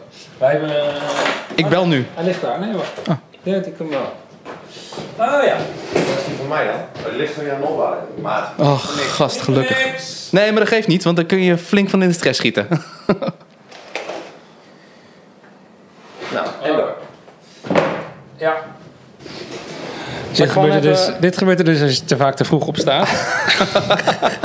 Dan vergeet je dingen, dat je dingen niet vergeten bent. Super chill. Oké, nou, ik begin je dat je dingen niet vergeten bent. En je plakt hem er maar tussen. Want ik Ja. vertel dus van die kleine kinderen hè, dat je die dan hebt. En dan, Ja. Maar dan is planning dus echt key. Als je dat niet, eh, vooral met kinderen, maar ik denk los van kinderen ook. Planning, dat vind ik echt super belangrijk. Ik heb altijd super strak georganiseerde agenda. Ik heb ooit een boekje gelezen van Rick Pastoor, Grip. Ken je Ja. misschien? Oh, Druk mij nog. Ja. Zeker. Ja, die heb je nog liggen? Ja, Lars Ja, heeft niet in zijn planning staan Ja, dat hij moet leuk. lezen. Ja, Ik vond het eerste hoofdstuk, jongen, het eerste hoofdstuk super. Het tweede hoofdstuk vind ik hem wat te ver doortrekken. Ehm, maar het eerste hoofdstuk, gewoon hoe hij dingen organiseert. Eh, een van de dingen die ik er nog steeds inhoud. eh, ik heb het nu dus eigenlijk net niet gedaan. Maar ik, check maar drie keer per dag mijn WhatsApp. Ik doe het een keer om 9 uur, om 12 uur en om 3 uur. mijn zakelijke wauw. WhatsApp. Voor de rest doe ik niet meer. Weet je, want ik, ik word gestoord helemaal. Ik, ik word de hele dag door gebeld. De hele Ja. dag appjes. En ik ben de hele dag mee bezig. Alles te beantwoorden. Allemaal brandjes te blussen. soms lijkt het alsof het mijn werk is. Ja, juist. Heel irritant. Nou, en dat, Ja. dat, haalt, Ja, dat haalt zo de focus weg bij mij. Ja. Dat vind ik gewoon niet fijn. En eh, een van zijn tips was dus, doe dat. Ehm, e-mail ook, dat check ik gewoon maar op een bepaald vast aantal momenten... ehm, die in mijn agenda staan. Dus in mijn agenda, nu moet je Oh. e-mail checken. Nou, op een gegeven moment verwatert dat een beetje. En of staat het er niet meer in, maar doe ik dat gewoon. Ja. Ja. Ah, dat, dat werkt voor mij heel goed. En zo georganiseerd als ik dan in mijn werk doe... ben ik dan privé weer helemaal niet. Ik vind het namelijk heerlijk om in mijn vrije tijd... gewoon te besluiten waar ik zin in heb. Ja, een beetje Ja, ja, met je eens. Ja. even kijken hoe het loopt. Ja, Ja. nou ja, dat kan natuurlijk niet altijd met kleine kinderen. Dus je Nee, plant nee, ook wel eens dingetjes. Maar zoals afgelopen weekend zijn we lekker naar de Schelling geweest. Lekker. En dan, dan plannen we ook helemaal niks. Nee. Weet je, dan gaan we gewoon lekker kijken, wat gaan we doen? Dan weet ik nog niet. Nou, een stukje fietsen misschien of, of niet. We blijven lekker op de hotelkamer, ook We leuk. kunnen ook niet gaan fietsen. Ja, nee, maar goed, weet je, die keuzes de hele tijd vind ik zo vet relaxed Ja. privé. En die balans vind ik ook fijn. Dat je je werk gewoon strak organiseert. Ehm, en privé wel gewoon lekker laat gaan zoals het gaat. Want Ja. ik denk ook dat dat heel belangrijk is. En ehm, ja, ik denk dat mijn vrouw daar ook wel eh, eh, plezier van heeft. Gewoon van die ontspannenheid. Ja. Dat je, en soms is dat ook niet zo hoor. Ik kan ook wel eens dat, dat die badkamer dan op zaterdag altijd op de, op de loer ligt. Ja, dat vraagt ook wel wat van haar. Ja, Ja, geduld. Ja, dat, nou goed, we kunnen wel gewoon gebruik maken van het bad. Maar ik ben er op zaterdag mee bezig. Dus dat betekent op zaterdagochtend dat zij de kinderen heeft.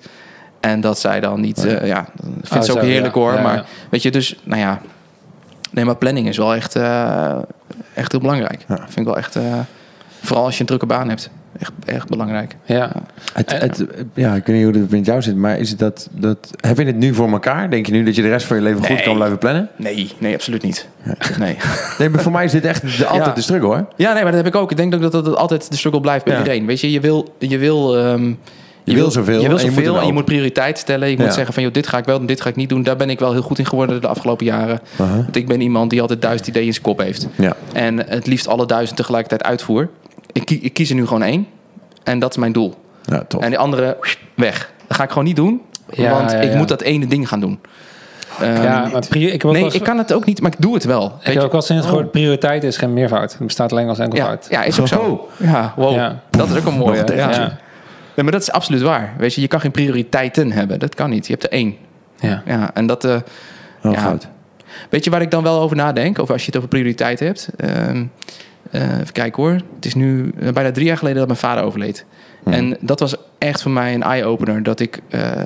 die man die heeft zijn hele leven kaart gewerkt. Voor altijd, het- altijd hetzelfde werk gedaan. En hij heeft ooit nog een keer tegen mij gezegd van... Ik ben soms wel jaloers op jou dat jij zo je hart volgt. Dat jij de dingen doet Oh, die je wauw. echt graag wilt. Ja. En ik, ik had dat ook wel gewild, maar dat kon in die tijd niet. In die Nee. tijd werkte je gewoon dit is wat je deed en dat ging je gewoon doen. Ja.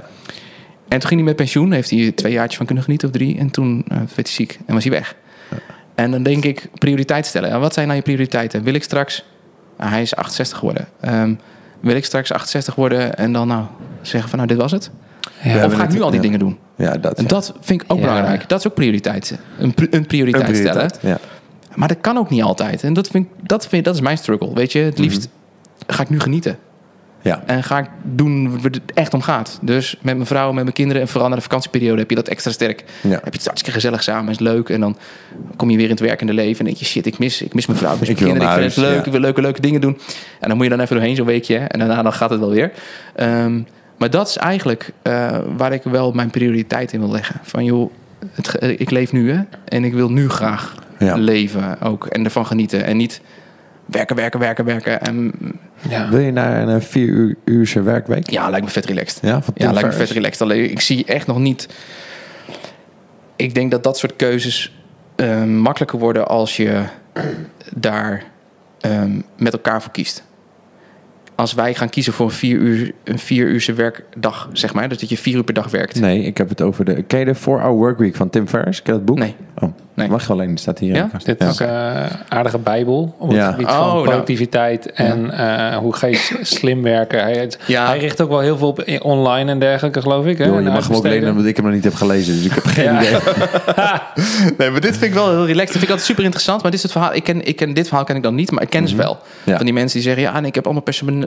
Ik, ik, ik, nou, dat is een Amerikaan die dan die verdiende tonnen en die heeft gezegd, joh, ik ga gewoon net zoveel verdienen als mijn werknemers en mijn werknemers gaan allemaal meer verdienen. Ja, die heb ik van de week Super Iedereen gaaf verdient theorie. 70.000 Wauw. euro per jaar. Ja, nou, vind ik een heel gaaf concept. En zo zijn er heel veel concepten.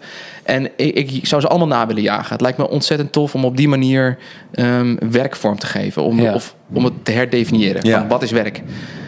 Ehm, ik wil niet eh, ehm, eh, pessimistisch klinken, maar dat doe ik dan dus wel. Want ik geloof niet dat we dat met elkaar... Dat kan alleen als je dat met elkaar verkiest.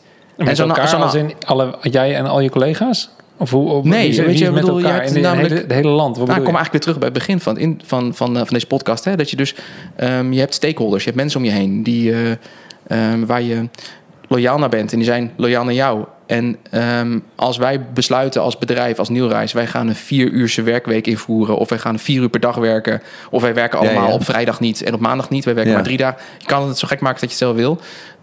Zul je toch je, je klanten daar, eh, die zullen daar toch iets van gaan merken. En willen zij dat? Kijk, dat kan mijn, dat kan mijn eh, ambitie zijn. En Ja. ik kan ze misschien zelfs mijn klanten ermee inspireren. Dat vind ik heel tof. Alleen, ehm, ik heb ook een loyaliteit naar mijn klant. Ik wil ook dat mijn klant goed bediend wordt. En Afgelopen vrijdag krijg ik een appje. Ehm, kunnen jullie nog even gewoon een persbericht eruit pushen voor, eh, voor die en die klant? Ja, ik had gewoon niemand zitten die op dat moment een persbericht kon maken. Nee. En ik zat zelf op het eiland. En ehm, ik heb nee moeten verkopen. Ah, dat vind ik gewoon echt het meest verschrikkelijke wat er is. En die klant gaat er niet om weg. Die zegt, Nee, op dat snap moment ik. Weet je, ik ben ook een je beetje kort dag. En Ja. die snapt dat ook wel. Maar ik baal er wel van, weet je. En dan, ja. Vind ik, dan vind ik het ingewikkeld worden als je zegt... ja, ik ga, ik ga maar vier uur per week werken. Of Maar- ik ga maar... eh, Als we sorry, ik zou het leuk vinden om deze even plat te slaan. ja, doe eens. Eh, ik heb namelijk ook een verhaal gelezen van een surfshop die dit deed. Dus die gasten die hadden gewoon gezegd, luister, en Oh, ja. natuurlijk helemaal bij die surfstijl past. Ja, die Ja. hebben we allebei wel gelezen. Zo van, luister, wij werken alleen 's ochtends, ja. want 's middags gaan we surfen. Ja. Dus we zijn er om 8 uur, om 11 uur gaan we dicht, daarna gaan we surfen. Ja. Je zoekt het maar uit verder. Ja. En wat daar gebeurde was dat mensen dus gewoon tussen 8 en 11 kwamen. Wat in die business heel logisch is, want De rest daar zitten op het strand. als het goed is, is iedereen ook aan het surfen, weet je al. Dus ik denk dat dat heel waardevol is. Ja, maar dat Ehm, is inderdaad in die business werkt dat heel erg goed. Nou ja, maar de vraag is in deze restaurant business- niet zeggen... hey, wij gaan s'avonds lekker fietsen. Nee, maar we snap- zijn alleen open tot, tot twee uur 's middags. Nee, maar wat je dus wel kan doen in een restaurant, als je, als je wil zeggen. Het ligt aan hoe je je voorwaarden stelt, denk ik. Mhm. Dus als jij zegt, ik wil dat mijn mensen maar vier uur op een dag werken, Ja. prima, dan heb je twee shifts. Ja. Ja, Snap je? En dan zegt mensen Ja. moeten maar drie Weet je, dagen werken. Het zou dan gewoon hebben- tof zijn als het kon. En dan ga ik gelijk weer eentje tegenin gooien... wat er drie weken terug ehm, gebeurde bij een klant van ons. Daar maken wij persberichten voor. En persberichten die maak je en die stuur je op. En soms hoor je niks. Wordt er nergens opgenomen. Weet je, dat, dat gebeurt. Ja. En in één keer heb je jackpot of zo. Want dan eh, Ja. wordt het opgepakt. En Ja. het eh, begon al de dag ervoor dat RTL belde. NOS belde. AD, Volkskrant. Nu, iedereen wilde in één keer. Oh ja. Ehm, ja, dan moet je klaarstaan. Dus dat betekent de dag daarna eh, hadden we allemaal cameraploegen over de vloer voor die klant. Oh ja. Ehm, als je dan zegt, ja, jongen, jongen, ja, heel leuk hoor, maar eh, ik ben dicht vandaag, want we hebben maar zoveel. Ik kan, weet je, het kan gewoon niet altijd. Het lijkt me tof om wel een manier te vinden dat het wel lukt, maar ik denk dat het heel erg aan de, aan de branche ligt waar je in zit. Ehm, waar ik wel heel veel voor ben, is ehm, medewerkers, en voor mezelf moet ik dat eigenlijk ook doen, maar dat vind ik moeilijk, eh, de vrijheid geven om meer eigen tijd te bepalen. Oh ja. Ik geloof namelijk dat iemand die ehm, in drie uur zijn werk verzet en iemand anders die, dat, die daar vier uur over doet, dat kan. Zo. Gezondheid. Heb jij nou die vlieg eindelijk te pakken? Ik weet het niet, maar het schoot recht maar verkeerd. Waarschijnlijk een vlieg. Die vliegt denk ik. Die vliegen wel weg. Zie je hem een slok water. Oké. Zo, sorry voor deze onderbreking. jongen. Maar, maar je reclameboodschap. zegt aan mensen de tijd laten bepalen. Maar je bedoelt het aantal uur dat ze werken. Ehm, Niet zozeer wanneer ze ja, werken. ik hoop niet dat ze luisteren. Nee, dus ze mogen ze luisteren vast. Nou, Dat is, eh, weet je, dat, ik vind het leuk om daarover na te denken. Van, stel nou dat jij zegt van... joh, ik, eh, ik kan mijn werk eigenlijk wel in vier uur doen... in plaats van de vijf uur die er vandaag voor deze klus staan. Ja. Dus ik ga het gewoon in vier uur doen. Ja, en dat andere uur ga ik even iets leuks doen. Zodat ik morgen weer lekker ben opgeladen. En weer energie heb voor een nieuwe klus. Ja. Dat lijkt mij gewoon vet. En die openheid, ehm, die komt er ook wel. En binnen bedrijven ook. Wil ik ook wel. Eh, aan de andere kant zit ik nu nog veel te veel in het proces van een transitie. Eh, Lijkt Ja. me wel lastig om dat dan vervolgens ook te blijven volhouden. Want Ja, dan weet je ja. dan vervolgens, oh, die heeft er maar vier voor nodig. Dan moet je hem eigenlijk wel vijf uur ervoor inzetten. Terwijl je weet dat die soort van. ja, dat, ja, dat, is dat, natuurlijk biedt een. weer nieuwe uitdagingen inderdaad. Want Ja. Hoe ga je dat dan verder invullen? Ja, Ja, maar de vraag is hoe dat werkt. Dus kan hij het in vier uur omdat hij dat extra uur iets anders kan doen? ja, waarschijnlijk. Want dan werkt het dus niet zo Nou, dat hij het in vier uur kan, Nou, punt. Nee, maar wat je dus nee, nu heel erg precies. ziet... Dat is dus, Ja. je moet hem die extra ruimte geven. Maar dan moet je dan, ja. Ja. Wat je nu heel erg ziet, en dat is, eh, de- daar hebben ze me vast om uitgelachen. Eh, toen ik bij Nieuwreis kwam, eh, was een van de eerste dingen die ik zei... jongens, we gaan minder thuiswerken. En er werd heel veel thuis gewerkt. En ehm, dat ging ook goed. Maar ik vind het belangrijk om een team omheen te hebben. Ja. Ik vind het fijn om mensen te zien, om te sparren. Ja. Ook de koetjes en de kalfjes. En eh, ehm, ik had mezelf voorgenomen, gaan we een half jaar in ieder geval... gaan we gewoon elkaar veel zien. Ja, Dat vind ik belangrijk. toen kwam corona. Ja, Ja. En toen ging iedereen thuis werken. Dus iedereen, Ah, weet je wel, Ja, waarschijnlijk ja. denk ik hoor. Ik, ik, vind het wel, ik vond het zelf ook wel grappig. Eh, Kom maar bij ons het, langs? Het leuke is dat mensen nu dus gewoon vragen... mag ik weer naar kantoor? Dus wij hebben nu het kantoor weer open. Ehm, helemaal mooi met allemaal schermen opgehangen... en looproutes Mhm. en eh, alles erop en eraan. Ehm, ook gewoon dat mensen elkaar willen ontmoeten. Ja. Maar in de tijd dat we wel veel thuis werkten... liep alles natuurlijk gewoon door. Hè? ja, precies. En goed joh, echt. Ja. Mensen die hebben werkverzet thuis. Dat ik echt denk, wow, hoe doe je dat? Ehm, complimenten, weet je wel. Gewoon echt, wauw, hoe hebben ze dat gedaan? En dat vind ik dan wel weer interessant. Want ik dacht dus, we moeten bij elkaar zijn. Want Hmm, dat hebben Dit we is nodig. de oplossing, ja. Vervolgens werd dat in het eh, riet gestuurd. Ja, ik heb Ehm, ook wel veel gehoord. En joh, het ging eigenlijk gewoon mega goed. ja. Ehm, Ja. ja. hoe ga je dan hierna verder? Gaan we dan... Ah, Nou ja, Ja. Wat, wat, de vraag is, wat gebeurt er als je mensen dit naar behoefte laat inrichten? Kijk, dus als jouw behoefte is, ik wil mensen meer zien. Misschien moet je dat beter plannen. Ja. En als mensen een behoefte is, ik wil ook naar kantoor, maar op die Ja. dag wil ik thuiswerken. Misschien kun je dat organiseren. Ja, Alvast. Ja, maar de- ik denk dat die extreme gevallen van vrijheid. ehm, volgens mij Patrick, een paar podcasts geleden, die vertelde hierover dat er een bedrijf was waar iedereen zijn eigen eh, loon mocht bepalen, zijn eigen salaris. Ja. Was het iemand anders? Ja, dat over. ken ik ook, Ehm, Maar wel transparant. Dus als jij vindt dat je twee keer zoveel verdient als iemand anders, dat is prima. Moet je wel maar uitleggen waarom. mag Uitleggen diegene dat ook wel weten en dan mag Ja. je het ook uitleggen waarom. Eh, en ik heb een ander voorbeeld wat ik heb gehoord, is dat ehm, eh, de, het is bij eh, het bedrijf van Gary Vaynerchuk. Die geeft mensen mogen, mensen mogen zelf weten hoeveel, vrij, vakantie gaan. hoeveel vrije, Ja. vrije vakantie Ja. hoeveel vrije Ja. dagen ze hebben. En ehm, Super de meeste, inspirerend. ja. Ja. maar de grap is dus, de meeste mensen nemen dan minder dagen vrij. Ja. En dat is niet omdat ze vinden dat het niet mag, maar ze hebben gewoon echt hard voor de zaak en willen liever daaraan werken. Ja. Maar ze kunnen wel ook meer vrijnemen wanneer ze dat nodig achten. Dus dat, dat geeft Maar komt het dan omdat ze misschien meer eigenaarschap voelen over hun... Ja, I over guess. zichzelf? Ja, en dat is denk ik ja, over zichzelf ook, ja. Ja, want je, je bepaalt dus zelf hoe je het inricht. Ja, En weet je, dat vind ik ook een van de moeilijke dingen nu aan werkgever zijn. Is dat, hè, ik krijg natuurlijk al die verzoekjes ook binnen van... joh, mag ik dan vrij? Ik zeg eigenlijk altijd overal ja op, als het kan. En dat Mhm. Aha. kan eigenlijk ook altijd wel. Ja. Maar het idee al van dat iemand dat vraagt... eh, betekent dat het iemands eigenaarschap... ehm, daar moet ik over oordelen. Ja, Ja, maar precies. het lijkt me- Natuurlijk, en dat is gewoon zo in, dit, in hoe we dat nu hebben ingericht. Ja. Maar het vind ik, wel, ik vind dat wel... eh, ehm, als je eigenaar van iets bent, ehm, loop je altijd harder. Ja, maar dat lijkt me dus ook het lastige. Dat dus soort van, je moet ook gaan bewaken dat er dus, als je zegt, oké, jullie mogen zelf bepalen hoeveel dagen, vrije dagen je nemen, Ja. moet je wel bewaken dat mensen dat ook doen. En er niet dat er niet een soort competitie bestaat van Nee, ik werk nee. harder dan jij. ja, maar als baas mag je altijd iemand vrijgeven, hè? Tuurlijk. Dit is natuurlijk waar. Je kunt het altijd, ja, je kunt het altijd eisen zeg maar, van iemand. Ja. Maar eh, Nou ja, je ziet vertellen het, van, ja. hey, ga even Kijk, weet je, een dit, weken. dit is natuurlijk pas een probleem als, als iemand ongelukkig wordt of zijn productiviteit daalt. Ja. ja, Met één kun je precies. zien Ah, dat en de zijn ander kun je goede vragen over stellen. Ja. Ja. En dat zien mensen redelijk- zelf misschien niet altijd Nee. op tijd. Nee, maar dat, ik denk wel dat dat een beetje de taak is als leider. Ja. Maar ook de andere kant op. Ik heb vanmiddag nog een werknemer aan de lijn gehad. Ja. En dan heb ik gezegd, joh, ga je vanavond wel even gewoon niks doen. Ja, Want dat gebeurt ook, weet ja. je. Die gaan gewoon door. Maar ja, nee, maar het zit in mijn hoofd en wil ik nog even afmaken. Ja, schrijf de uren wel. Nee, dat doe ik niet, want joh, ik ga wel even door. En dat, prima, dat is wel een bedrijf wat ik heb overgenomen. Daar ben ik echt super trots op die gasten, wat ze allemaal doen. Maar ik vind het ook belangrijk dat je als werkgever ook zegt... joh, hey, je moet ook om jezelf denken. En niet omdat ik denk dat ik iemand bescherm... Maar omdat het een loyaliteitsdingetje kan Ja, worden. naar Hè, elkaar dus dat ook, je, ja, van joh, maar eh, dat doe ik altijd, dus dat doe ik Ja. ook wel even. Joh, geniet van je vrije avond. Zo belangrijk, die balans. Ja. Ja, ja, Nou ja, en dat, de vraag is hoe effectief je bent 60 uur in de week. Weet je, al zeker met dit soort werk, wanneer het, niet, niet, wanneer het geen productie is, als het ware. Mhm. Kijk, net wat je net zegt met een restaurant. Kijk, eh als we me duizend ook pizza... wel tof om nog een keer te doen hoor, een restaurant beginnen. Maar goed, Dat, dat, ja, is zo, dat, dat snap ik. Kijk, als je duizend pizza's moet bakken, moet je duizend pizza's bakken. Weet je? Ja. Dan kun je niet twee keer zo snel met de helft Nee. van de mensen. Zo werkt dat gewoon niet. Maar, ehm ja, shit. Nou ben ik mijn punt echt kwijt. Wat hadden we het over?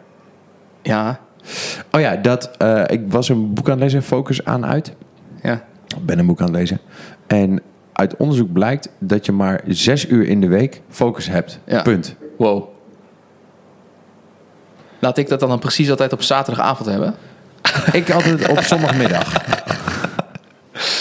Nee, maar gast, zes uur? Zes uur. En de grap was dat hij zei... En ik ben dan juist degene die kijkt of hij dit kan verlengen, verbeteren, Ja, vergroten. ja. Hij zei, maar het is niet gelukt. Neurologisch werkt dit gewoon zo. Het maakt niet uit hoe slim je bent, Ja. hoe groot je hersencapaciteit is. Ja. Je hebt zes uur. Ah, ik herken het wel.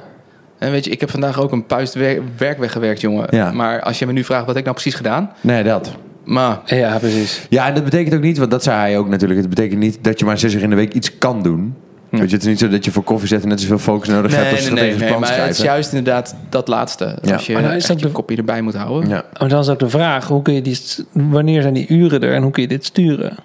zo ken ik iemand Want die, die natuurlijk- doet iedere keer als hij... eh, Dat is een... Hij, hij, hij, hij is dagvoorzitter. ehm, hij, hij is een liedjeschrijver. Hij komt, weet ik, het, overal over de vloer. Nu even iets minder. Maar hij zegt altijd... Als ik een afspraak plan van een uur... plan ik altijd een uur vrij daarna. Oh ja. Altijd. Als ik Ja. een afspraak plan van een half uur... grip, werk ik toch? een half, ik weet niet of dat van grip komt. Ja. Maar eh, ik vond het wel... Ik vond het wel eh, nee, hij, nee, in grip doet hij nog iets anders. Daar, daar plant hij telkens kwartiertjes of half uurtjes. Dat zijn voor de klusjes die dan anders blijven liggen. Ja, maar een van de dingen die hij ook had, was Ja. altijd een, een half uur achter elke afspraak vrijhouden. Want het Ja. loopt toch uit en heb je tenminste tijd. Daar Ja. komen vaak juist de beste dingen uit en de leukste Ja, dingen. klopt. Ja, dat is Ik doe inderdaad. dit Je hebt er net gelezen, hè? Ik heb hem al... nee, dat is oh. al een paar maanden geleden, maar, maar of ja, dat is dus Ja. net, I guess. Ja. Ja. ja, klopt. Maar sinds Ja. ik dit doe, geeft het zoveel meer rust. Ja. Ja. En ook dat je gewoon, eh, als het een uur rijden is, je, dat je altijd Ja. een kwartier extra neemt en een kwartier per uur. Zeker. En ik zet in mijn agenda mijn reistijd. Ja, dus dat heb als ik ik Ja, dat doe ik ook. Dat deed ik al de wel. Maar dan, dat deed ik niet. En de reistijd daarna. Dus dan zie je ook inzichtelijk... hey, dit blokje ben ik er gewoon niet. Nee. Eh, terwijl Ja. als het dan zo staat... kan dan alleen maar bellen. Kan, nou, dat probeer Ja, ik ook toch? eigenlijk zo min mogelijk te doen dat wel- Ik ook, Ja. maar dat kan. Dat, kan. Ja. dat zou dan kunnen. Soms heb ik dan van die belletjes dat ik denk, ja, ik moet dit nu doen. Dan schuif ik hem wel door naar in de auto. Maar dan is dat in ieder geval geregeld. ja. Maar goed, dat zijn, dat, ja, ik vind dat altijd wel super interessant om daarmee bezig te zijn. Ik heb laatst ook geleerd dat eh, je productiviteit, laat maar zeggen, Ja, dat je s- ochtends ben je strategisch het best, dus tussen 8 Ja. en 11. ja. En dan smiddags eh, kun je administratie doen, Smiddags doe ik eigenlijk altijd mijn, mijn zakelijke afspraken. Smiddags Ah, ja. dan ga ik het koffie drinken met iemand. Of niet altijd, maar als ik een afspraak plan, dan plan ik hem vaak in de middag. Ja, Want weet je, dan praten is makkelijk. Hè? dit gaat vanzelf. Gaat vanzelf en je komt soms tot hele toffe dingen. Maar dan moet ik ochtends, kan ik het wel doen, maar dat vind ik zonde van mijn tijd. Want dat is precies wat je Ja, zegt. heb ik ook, want dan dan kan heb ik ik mijn beuken. focus ja. en dan kan ik lekker even doorwerken. Ja, creativiteit zit juist s'avonds. Ja, Ja, klopt na vier uur Ja. moet je ook geen strategische plannen meer gaan bedenken. Nee. Moet je eigenlijk ja, misschien überhaupt niet meer werken, maar nou ja, misschien ook wel. Ja, voor mij is dat heerlijk. Ik weet niet hoe dat voor jou als filmmaker toen was, maar eh, bij mij komt, komt vaak s'avonds de, de flow, weet je wel. Ik heb er gisteren ook echt een ding uitlopen beuken in, in een stuk minder tijd dan ervoor stond, omdat ik er gewoon helemaal lekker in zat. Maar soms is het ook andersom, het kost drie keer zoveel tijd, Ja, weet je wel. dan moet je, Dus dan moet je stoppen. Eigenlijk maar- moet je dan stoppen. Dat klopt, maar, Maar soms kan is de deadline Ja, die ik avond weet en het, dan ja. mot je wel. En dan, dan, dan moet je eruit poepen, maar dan, uiteindelijk komt het wel voor elkaar. echt. Ja, dan moet je Ik, uit je tenen, ik weet het. Ja, dat ken, herken ik. Ja. Ik had altijd mijn creatieve ingevingen vaak s'nachts. En Oh, ja. eh, heb ik nog steeds. Lig je Ik net kan- lekker te tukken. Nee, maar dan, weet je, dan ben ik aan het dromen. En dan word ik zo half wakker. Ik, ben, ik slaap altijd super licht. Als er een van de kinderen wakker wordt... Mijn vrouw slaapt altijd door. Ik moet er altijd uit, want ik hoor het. Oh ja. Ik hoef maar iets te horen en dan ben ik eruit. Ehm, en dan lig ik, lig ik in bed en dan krijg ik in één keer... Oh, hey, joh, dan moet ik even zo doen. En ik moet, dan met ik moet dan echt mijn telefoon pakken. Ik moet even een notitie maken, want ik vergeet het. En de volgende dag denk ik... Oh ja, oh ja dat had ik inderdaad bedacht. Nou, en dan, dan lukt het wel. Dus inderdaad, vaak in de, rust, in de rustmomenten komt mijn creativiteit. Dus wat jij zegt, Ja. ik heb dat s'avonds niet vaak, maar... Ja. En niemand, niemand heeft ooit een briljant idee bedacht terwijl hij heel erg haast had om iets te bereiken. Maar wel wanneer je onder de douche staat of in de auto zit. Ja. Ik heb ook een tijd gehad dat ik bijvoorbeeld in de auto zat, altijd met podcast en muziek aan. Altijd Ja. maar nieuwe informatie. ja, Zodra ik dat gewoon eens even helemaal uit ging zetten, Ja. vet. dat is Ja. lekker joh. Ja. Weet je wat ik gedaan heb? Ik heb vorig jaar, nu Ja. komt hij hoor. Nee, ik heb vorig jaar heb ik eh, op uitnodiging van een vriend van mij, ik ga dit jaar weer doen, heb ik drie dagen in een klooster gezeten. Oh, gaaf. Ja. En dat is, even kijken, dat is ergens in Brabant. Dan ben ik de naam natuurlijk kwijt. Berne, Bernhezen, Mhm. klooster van Berne. En ehm, daar leeft nog een, een broederorde. Ja. Echt geweldig. Die lopen ook echt nog in die, eh, in die lange Ja. gewaden rond. En die gaan dan ook s ochtends om vijf uur al naar het eerste gebed. 5am Club. Ja, Heel echt. original, Dat- 5am club. Daarna doen, ze, daarna doen ze 100 burpees. Geloof het of Ja. niet. Nee, maar het Leuk is, woordgrapje. Geloof Ja. het of niet. geloof het Ja. of niet, ja. Nee, maar wat, ik, wat eh, daar heel tof was, en dat, dat heette dan een retreat, heette het. Ja. Je kent een retraite, ken je misschien wat woord, Ja, ja. maar Ja. dit is een retreat, dus eigenlijk een cadeautje voor jezelf. Ja. Ja. En of je nou gelovig bent of niet, dat maakt niet zoveel uit. Je Oh, kan meedoen met een programma Ja. of niet. Je kan ook gewoon lekker op je kamer blijven, maar je bent gewoon stil. En je gaat gewoon mee Echt in een de... stilte retreat, drie dagen. Dat kan. Ja, je, kan ja. het redelijk zelf invullen. Oké. Ehm, maar je gaat mee in de cadans van het klooster. Dus Oh, je goed. gaat mee eten met de broeders. Je eet op bepaalde vaste tijden. En je gaat gewoon mee, maar je praat niet met elkaar. En dat is heel gek. Ehm, ehm, maar zo relaxed. Want na een halve dag ben je eraan gewend. En dan ineens dan gebeurt er van alles met je. Je wordt eerst heel druk. Ik werd heel druk in mijn hoofd ook. Je ging allemaal... allemaal Gewoon gedachten. En dat op een gegeven moment was dat... Na een dag was het over. En toen was het gewoon stil. En dat was zo lekker. Oh, ik wil dit. Ja, nee, echt. Ja, ik wil dit ook. Het staat Ik hoog ben, op ik mijn ben er lijst. heel bang voor, maar ik wil het wel. Ja, maar Ik doe wil- het, want het ja. is echt gewoon ontzettend wijs. Ehm, ehm, en Rick Bennick, die organiseert dat. Mhm. Nou, dat is gewoon heerlijk. Je, je komt echt gewoon even helemaal los, zeg maar. En ehm, daarna ga ik weer naar huis en denk je... Oh, vanaf nu ga ik gewoon elke dag een uur stilte pakken. Maar, Nou, dat ja. doe je dan een week en daarna is het weer over. Oh, maar ik heb dat wel even gedaan. Ik heb gewoon de ja. week daarna ben ik gewoon... S'avonds na het eten, kinderen op bed. Ik zeg eh, tegen Daphne, joh, ik ga nog even een uurtje lopen. En ging ik lopen, ging ik ergens op een bankje zitten. Geen muziek aan, helemaal niks. Gewoon zitten, gewoon stil. Ah, lekker man. Oh, echt vet. Maar ja, goed, dat moet ik echt nodig weer doen. Drie dagen. Goed. Nou, mediteren is wel iets. We hebben zo'n een maand meditatie gedaan. Ja, Eh, Dat, ik doe nog elke dag. ja hè? Echt? Ja. Ja, Oh, ik niet meer. Ik doe het echt te weinig. En niet per se meteen ochtends. Vaak wel, nu deze maand weer wel. Ja. Maar eh, ook heel vaak als ik, eh, als ik een hoofdpijn voel opkomen... of Ja. ik voel dat ik eh, niet kan focussen... dat ik zes dingen tegelijk wil doen... Ga ik mediteren. Ja, heb je en, dan, stilte nodig. en dan weet ik weer wat, what's up en, en what's down, weet je wel. Ja, dat is echt, goed. Ja. dat is echt chill, ja. Ik zou het echt ook iedereen aanraden. Gewoon Ah, lekker doen. toen je uit zo'n drie dagen stilte kwam... Weet Wat je heb je toen... toen geschreeuwd? Nou, ik vraag me af hoe het dan weer voelt als je weer terugkomt in de drukte. Nou, voor mij ehm, had die stilte ook nog wel een andere betekenis, omdat ik geloof. Dus Mhm. bij mij kwam daar ook eh, in die stilte, ehm, ja, het klinkt misschien een beetje zweverig, maar had ik echt gesprekken met God. Mhm. Had ik gewoon echt rust, werd gewoon stil en dan kreeg ik dat gesprek. En ehm, dat heb ik dus nog steeds wel. Dat was voor mij niet nieuw of zo. Ik heb dat tijd wel gehad, maar eh, juist door die stilte, dat heb ik wel meegenomen. Dat ik af en toe Ja. even die stilte nodig heb om dan eventjes te connecten en te zeggen van, oh ja, ah, dit is inderdaad... En misschien is het een gesprek met jezelf. Ehm, zo voel ik het niet, maar zo zou je het kunnen noemen. Maar waar, waar, dat is eigenlijk precies hetzelfde wat jij doet volgens mij. Dat mediteren, dat je even, ja, even alles op een rijtje zetten. Wat, nou, wat- het is niet, ik doe het niet eens zo bewust. nee, het gaat, bij- het gaat vanzelf. Ja, het valt. Ja, het op een gegeven moment voel je gewoon. En ja, we hebben het hier, het hier met, met uh, Matt van Maastricht ehm, over die, Ja, die ook nog, ja. gelooft Ja, en die ja, een beetje kent. Ehm, en dat is een beetje hetzelfde idee van, is het nou intuïtie? Is het, is het, eh, geef het een naam, maar het is waarschijnlijk een vergelijkbaar gevoel. Nou. dat iets, iets in jou vertelt je of laat je voelen wat... ehm, Wat de richting is. Ja, wat belangrijk Ja, is. en ik denk dat we daar, ehm, eh, denk dat we daar met z'n allen heel veel behoefte aan hebben. Mm. Van, we zijn allemaal zo richtingsloos soms. Helemaal in deze tijd heb ik dat heel erg sterk het gevoel. Ja. Als ik om me heen kijk, ook mensen zijn gewoon eh, eh, zijn een beetje de weg kwijt. Sommige mensen zijn heel erg de weg kwijt. Andere mensen die zijn, ehm, eh, eh, ja, zijn op zoek naar iets.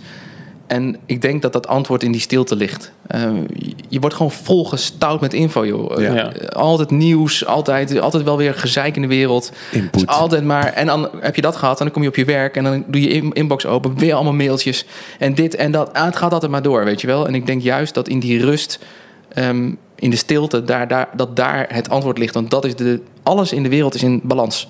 Alles. Ehm, dus dit ook. Dus te veel Drukte is zoeken naar stilte. Versus stilte. Ja. Ja. Ehm, rust versus eh, heel druk zijn op je werk. Eh, noem, je kan ze allemaal invullen. En, dus, en ik denk dat we dat een beetje kwijt zijn in ons eh Calvinistische Nederland. Ja. Allemaal werken, lekker doorgaan en eh, niet, eh, ja. vooral niet stilstaan. Hè? Je moet wel. en, nou ja, Straks ga je zitten en dan voel je dingen. Ik vind het wel grappig dat wij met best een hoop van onze gasten op hetzelfde uitkomen. Dat, dat, dit langskomt. Bij, bij, een- bij, ik denk wel de Nou, helft van onze gesprekken ja. is het van... we moeten allemaal wat rustiger Weet je, ik denk dat dit een kanteling is in, in onze hele maatschappij. Ik denk dat als ik. Nou, we hebben afgelopen tijd heel veel vacatures gehad. En die vacature die begint met wie wij zijn. En wij zijn een bedrijf wat werkt in een non-profit sector. Ehm, nou, dan kan, dan kan denk ik iedereen die daarop solliciteert ook wel snappen dat je niet een torenhoog salaris hoeft te verwachten. Nee. Ja. Ehm, maar we zorgen gewoon dat je een goed salaris krijgt, marktconform. En Ja. het merendeel van de sollicitanten is super jong. Komt of net van school. Dat zegt misschien ook iets over nou, mensen die gewoon van school komen die willen werken. Maar Ja. ehm, wat mij opvalt is dat juist het merendeel van de sollicitanten jong is en die ambitie heeft om niet meer zo heel veel geld te verdienen. Hoeft allemaal niet. Nee. Ik wil echt iets bijdragen aan, aan, Ja. Aan de wereld. Ja. Heel idealistisch. Weet je, de secret En dat geeft mij wel ergens een beetje hoop. Ja, Dan denk ik, zeker. wow, dat gebeurt dus nu, weet je wel. En daar hoort ook die kanteling bij van, van ehm, weer het vinden van balans in je leven. Ja. We zijn al, al vanaf de Tweede Wereldoorlog zijn wij aan het bouwen. Alleen maar bouwen, bouwen, bouwen. En misschien voor de Tweede Wereldoorlog ook wel. Die tijd ken ik niet zo goed. Maar Ja. vooral het... het Was je daar niet bij? Nee, daar was ik net nog niet bij. Nee. Nee, maar weet je, gewoon altijd maar, altijd maar beuken. ja, je moest even checken, hè. Maar eh, Oh, maat. Held. Even te kijken, wat voor dag is het dan vandaag? ja, nee, natuurlijk. Maar we zijn altijd maar aan het bouwen. En ik vraag me wel eens af of dat... eh, dat moet toch een keer... eh, ja, dat zijn wij natuurlijk als Nederlanders ook. Kijk naar de Gouden Eeuw. We zijn altijd al aan het bouwen. Ehm, altijd maar verder Ja, uitbreiden. ook al had groter afgebroken in de Gouden Eeuw, laten we eerlijk zijn. Ja, Maar- zeker. Nee, ja. absoluut. absoluut. maar zelf ik, gedaan. ik Ja. merk wel ergens dat er iets gaande is. En dat is niet alleen in Nederland, maar natuurlijk eigenlijk over heel de wereld wel. Ja. Dat er mensen in één keer gaan nadenken van... ja, maar wil ik dit nog wel? Wil ik Ja, dit nog wat wel is op nou deze manier? belangrijk? Wat is nou echt belangrijk? Ja. En ik merk dat bij de jongere generatie veel meer nu... dan dat ik daar mezelf zo bewust van bezig was toen ik eh, Ja. 23 was. Ja, ik vind het wel ook irritant. Want ik word echt... Nee, maar ik ga hem gewoon even op tafel gooien. Ja, doe maar. Ik, ik vind het, het is mooi als, als, je, als je snapt, the secret to living is giving. Weet je wel, ik moet er zijn voor anderen. En dat komt voort uit het feit dat ik het gewoon goed doe. En daardoor kan ik er zijn voor anderen en geven. Dat, dat, Ja. Zo zit dat een beetje in elkaar natuurlijk. Maar ik kan niet zo goed tegen mensen die net van school komen, een tussenjaar hebben gehad, een jaar gaan reizen en dan zeggen: Oh, ik ga echt niet meer dan 32 uur in de week werken. Nee, Dan ga ik Klopt. echt helemaal. ze hebben dood. dat ook wel nodig. En je moet ook af en toe een beetje opgevoed worden. Man, Ik moet man, denken man. aan de podcast die jullie met Pascal hebben gehad. En die had het daar ook over van... Je, eh, nou goed, dat gaat dan niet om een 23-jarige jongeren... maar om een 16-jarige jongen die het eerste bijbaantje hebben... en Ja. daarin eigenlijk ook echt iets meekrijgen. En ben ik ben, ben, ben het wel met je eens. En eh, goed, zonder nu weer helemaal te verzanden in een discussie over... eh, Nee, sorry, dat wil ik ook niet. generatie Nee, nee, Z sorry, is dat sorry. volgens mij, Ja, toch? Gen- Ja, generatie Gen Z. Z? Ja. Ehm, dat, dat, is, dat, dat, dat zie ik ook, weet je. Ja, nou, ik Ehm, hoop dat ze die combi vinden. Dus dat, sorry dat ik je onderbreek. Nee, maar dat, ben ik met je dat, eens. eh, dat, dat ze iets vinden waar ze dat goede in kwijt kunnen. En daar 60 uur in de week in willen steken. Juist. Snap je? Dus dat ze Ja. iets vinden waarvan ze denken... Oké, dit is een manier waarop ik voor een non-profit kan werken. Ja. Met mijn marketing tools aan de slag om, Nou, om en- verder te, te, Ja. te groeien. Ja. Weet je wel? En waar, het, waar het hem ook in zit, is dat wanneer je dus bij een bedrijf binnenkomt, op die leeftijd, Mhm.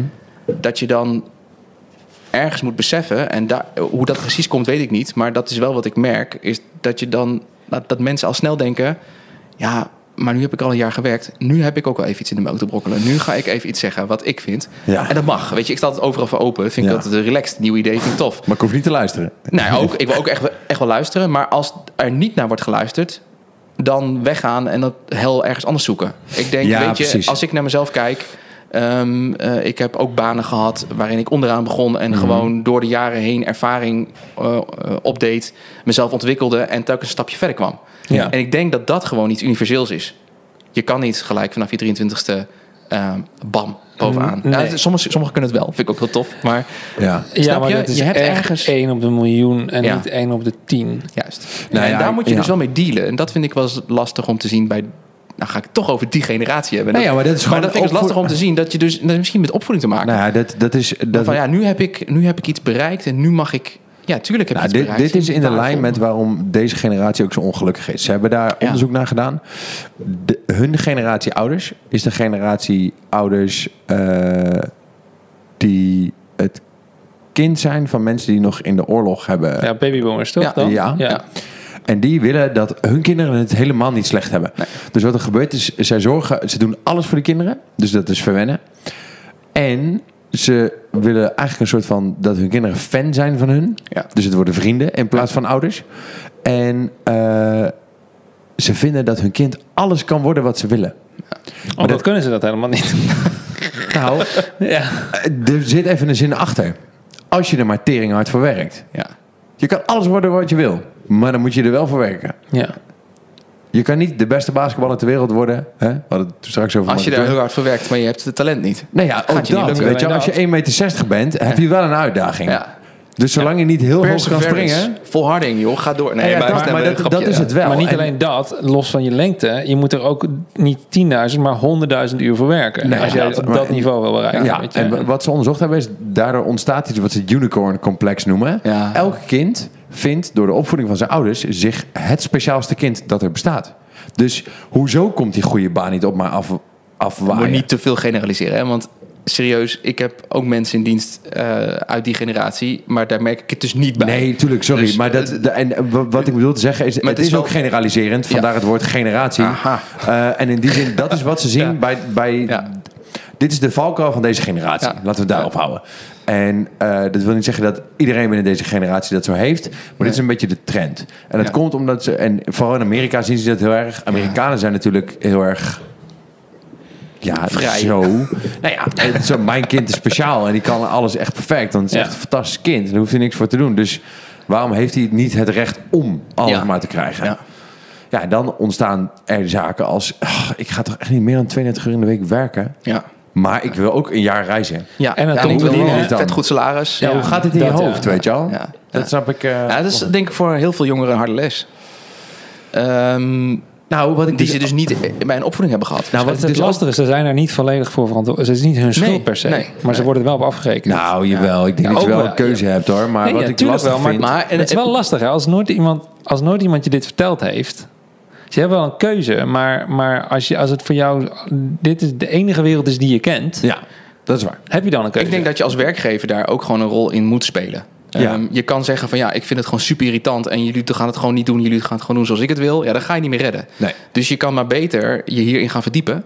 En eh, ontdekken wat er dus met die generatie is en wat er aan de hand is. Ja. Ehm, en daarop anticiperen. Ja. Dus zorgen dat je in gesprek raakt met je werknemers Mhm.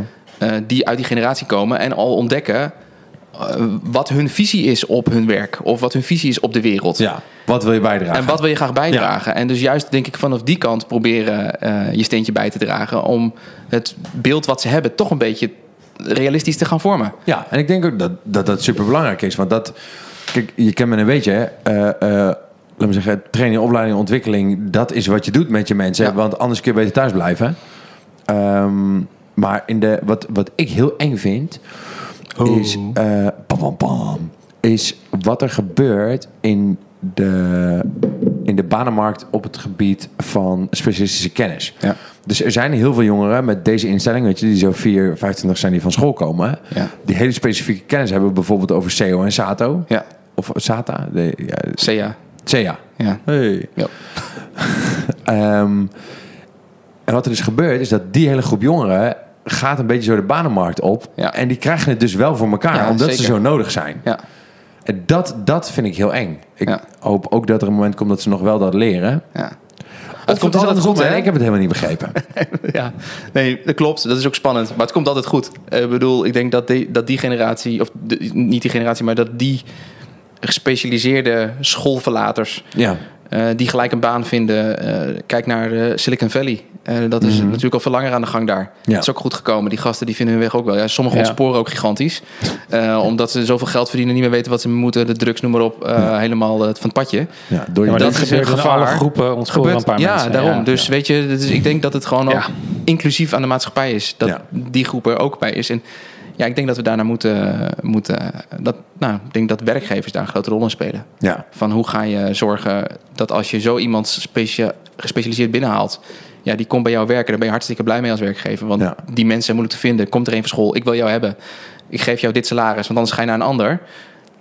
Prima. Ja. Dat is hoe je iemand binnenhaalt dan op dat Mhm. moment, denk ik.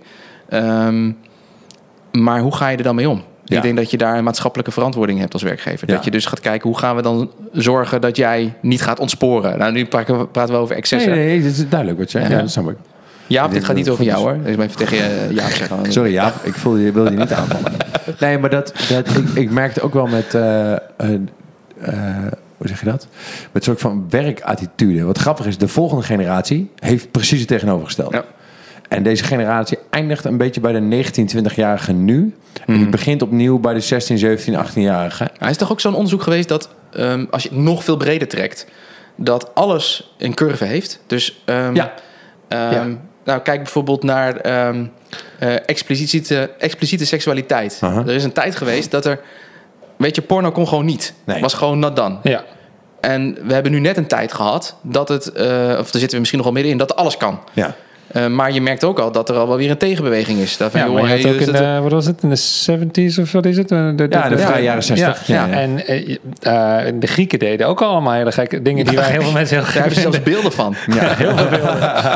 ja, Nee, maar weet je, ik bedoel, alles heeft in die zin. ehm, eh, al- ik denk, ik, ik denk niet keer, dat er, dat er iets nieuws is. Nee, wat wij nu waar. meemaken. Het is allemaal wel een keer geweest. Ja. ja. Ehm, en ja, weet je, alles gaat gewoon in die beweging. Ja. Geen idee is nieuw, Zo is denk het. ik Dit is ook. waar, Dat is maar ook zo'n ding, toch? Ja, maar het is ook wel grappig dat het dan dus een soort van... het- als we deze lijn zo even elkaar zetten door het gesprek heen... dat het gebeurt als, als eigenlijk afzetting en keerzijde tegen je opvoeders. Ja, Dus eigenlijk zouden we... Hoe zouden we dan nu de volgende generatie moeten ja dat opvoeden? is dus waar ik nu middenin zit met mijn Niet kinderen. tegenovergestelde. Maar dat vind ik dus vet moeilijk. Hè. Ik ben best wel. Ik, ik heb echt een supergoeie, een lieve, fijne ouders. Mhm. Een hele fijne vader gehad en een hele lieve Ja. moeder. ehm, die mij echt super hebben opgevoed. Ehm, maar ook met hun tekortkomingen. Er zaten ook dingen in die ze ehm, eh, niet bewust eh, zo hebben gedaan. Maar die hebben misschien wel. Hè, misschien hebben ze eh, net gedaan omdat iedereen het zo deed. Ja, Dus ik heb ook mijn butsen praat en mijn met deuken. elkaar. Ja. Ehm, ik ben nu aan het opvoeden, maar ik doe precies hetzelfde. Ja. Ik denk, nou joh, weet je, zoals mijn ouders deden, dat was heel fijn. Maar voor die, voor die tijd was dat zo. Nu is het anders, dus ik ga het anders doen. Ik wil dat anders. Maar ik laat ook weer dingen vallen. En mijn kinderen die groeien op, ik hoop als evenwichtige mensen. Maar ik heb niet de il- illusie dat zij ehm, de perfecte generatie zullen worden. Nee. nee man, dat gaat ook vet mis. Kijk, ze zitten nu al gewoon... ja, nee, vet mis wil ik niet zeggen. Maar Ook, eh, eh, elke generatie Weet je, je moet ook loslaten van, Ja. joh, eh, eh, je moet ook maar je weg vinden in de maatschappij. En dat is natuurlijk heel makkelijk, dus dat is heel moeilijk zeggen tegen een meisje van zes, want dat is nog allemaal. dat is Papa, zijn mijn schoenen? Eerste Jij moet Ja, gewoon je dat is weg jouw- vinden in de maatschappij. Ja. Nee, nee, maar op zijn tijd. Deur, paf, deur dicht. Nee, maar weet je, je doet gewoon je best. En ik denk dat dat, dat is waar het om dit, Weet je, dit doet me trouwens denken aan die opnames die we bij New York Pizza hadden. Want dan, Oh, dan weet kom je, ik er altijd weer echt, nou, je dan- Ik probeer gewoon mijn werk te doen. Weet je wel? Dus ligt er ligt Dit een is heel moeilijk als deze man ernaast Ja, er ligt een script en weet je, Nee, ik ben hartstikke duur. Ik word hartstikke duur per uur. Ja. Nee, viel mee. Al valt het fix prijs, maar... ehm, ehm, en dan nog moest wel die opnames erop. En dan waren we bij Pascal aan het filmen. En dan was Peter Heining erbij en Michael Plat. Nou, ik, gewoon een beetje, dan waren we gewoon acht uur bezig voor een filmpje wat er in een uur op kon staan. Maar eh, dat alleen maar. Ik ga het even heel kort vertellen. Wij moesten de zinnen uitspreken na een trainingsvideo. Alleen ben je sneller, maar samen kom je verder. Dit Ja, heeft drie kwartier geduurd. Ja, omdat het uiteindelijk iets werd als... eh, alleen ben je verder, maar samen kom je sneller. Weet je? nou, en dan was het 15 natuurlijk varianten. weer een half uur bijkomen. Maar dit gebeurde per ongeluk, omdat Pascal dit er gewoon zo uitvloepte. Ja, dat werd dus grap op grap op grap. Oh, maar goed, dat deed de me aan het denken. Maar wat ik even terug Ja. wilde was van... weet je, je doet je best om je kind op te voeden... en een plek te Mhm. geven in de maatschappij... dat het ook van... ehm, ehm, waarin een kind ook mag ontdekken dat samen fijn is. Ja, zeker. Ja. Eh, dus ehm, ehm, dat is volgens mij wat je het beste mee kunt geven in een opvoeding. Dat, je, eh, dat het om samen gaat. Je Ja. gaat niet zelf Ja. proberen zo ver mogelijk te komen. Nee. nee, het is veel beter om het samen te doen. Dat is wat ik mijn kinderen meegeef. Ik, ik kan niet zeggen dat mijn ouders mij tegenovergesteld hebben meegegeven. Want je moet alleen verder. Helemaal niet. Die zeiden Nee. dat ook. Ehm, maar dat zijn wel waarden die je je kinderen meegeeft. Waarin je denk ik eh, de basis legt voor... nou, een heldere blik op het leven. Ja. Dus ook wat kan ik wel maken in mijn werk, werkleven? Of is een salaris als ik van school kom van 50.000 euro, is dat normaal? Nee, weet je, Misschien over 25 jaar als er heel veel inflatie is ja, geweest. zeker. Maar, ja, zeker. Geen probleem. Inflation, Nee. inflation. Nee, maar goed, dat is, ja, ik vind het wel super interessant. En ook spannend. heb jij ehm, misschien ter voorbereiding eh, op het ouderschap... Maar Oh ja? überhaupt. Nee, ik ben, nee, ik ben er gewoon. Nee, nee, niet bij mij. Nee, ik bedoel bij jou destijds. Nee, bij mij is zeker niet aan de orde. Ehm, weet je niet, weet je niet. Nee, maar eh, ik, ik bedoel, eh, eh, oké, jij zegt mijn ouders hebben het goed gedaan, maar iedereen laat wel steken vallen. Heb je wel eens met hen het gesprek gehad daarover? Nee. nee. Nou, ehm, niet zo direct. Wel, ehm, eh, nou eigenlijk meer dat zij dat zelf ook wel zeiden. Van weet je, we, we hebben gewoon ons best gedaan. Mhm. Maar dat, kwam, dat was nooit een gesprek over, weet je. Dat was meer Nee, een opmerking van we hebben echt ons best gedaan, maar ik heb ook fouten gemaat. En Ja.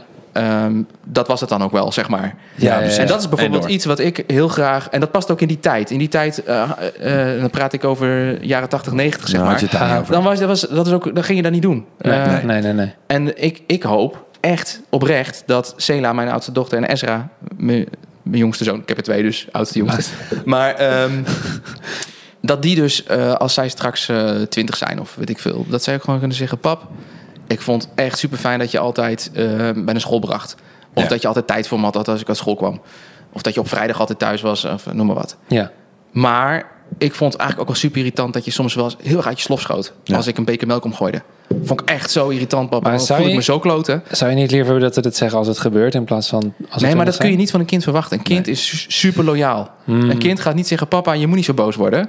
Een kind die, die gaat huilen. En Ja, die voelt dit- zich gewoon. En een kind heeft geen twee papa's, hè? Dus dit is het Ja. voorbeeld. Dit, zeggen, het valt pas veel later Juist. waarschijnlijk. En dat, ja. en dat hoop ik echt oprecht. En dat ze, dat, dat ze de vrijheid voelen om dat te zeggen. En ehm, eh, dat ik de vrijheid heb om daarover te praten. En dan gewoon Ja. te kunnen zeggen: van joh, dat weet ik. Ik weet dat ik dat deed. En dat, daar baalde ik al zelf altijd heel erg van. Ja, maar gooi dan ook die beker melk niet om. Maar gooi die beker... Nou, ik wou net zeggen... ja, dan gaan we worden.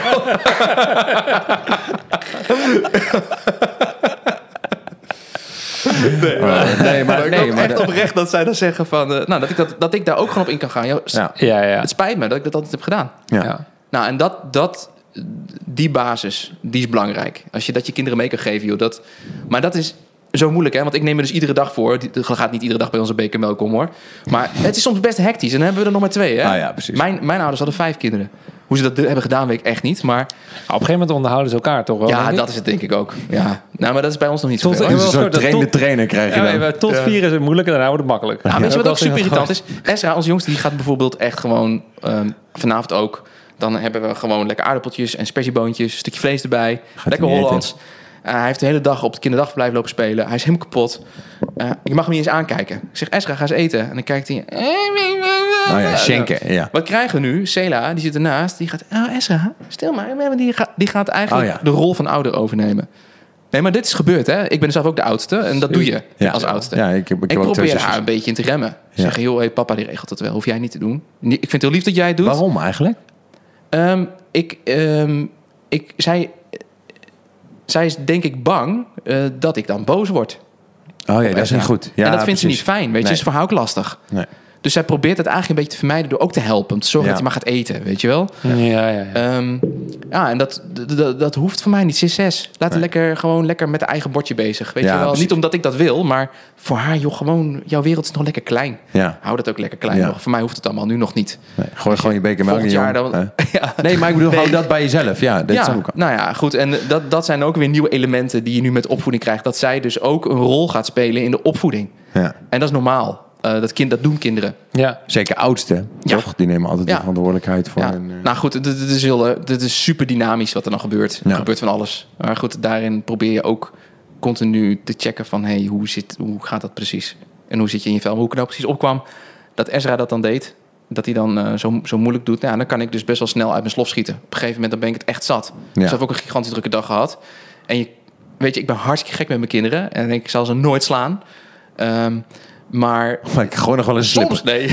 nee, maar soms kun je echt letterlijk achter het behang plakken. Ja, Weet je, echt, ik, nou ben ik er gewoon klaar mee. Ja. En dat is niet tof om jezelf dan eh, daarna weer terug te zien als vader. Dat je denkt, shit, nou ben ik eigenlijk wel uit mijn slof geschoten.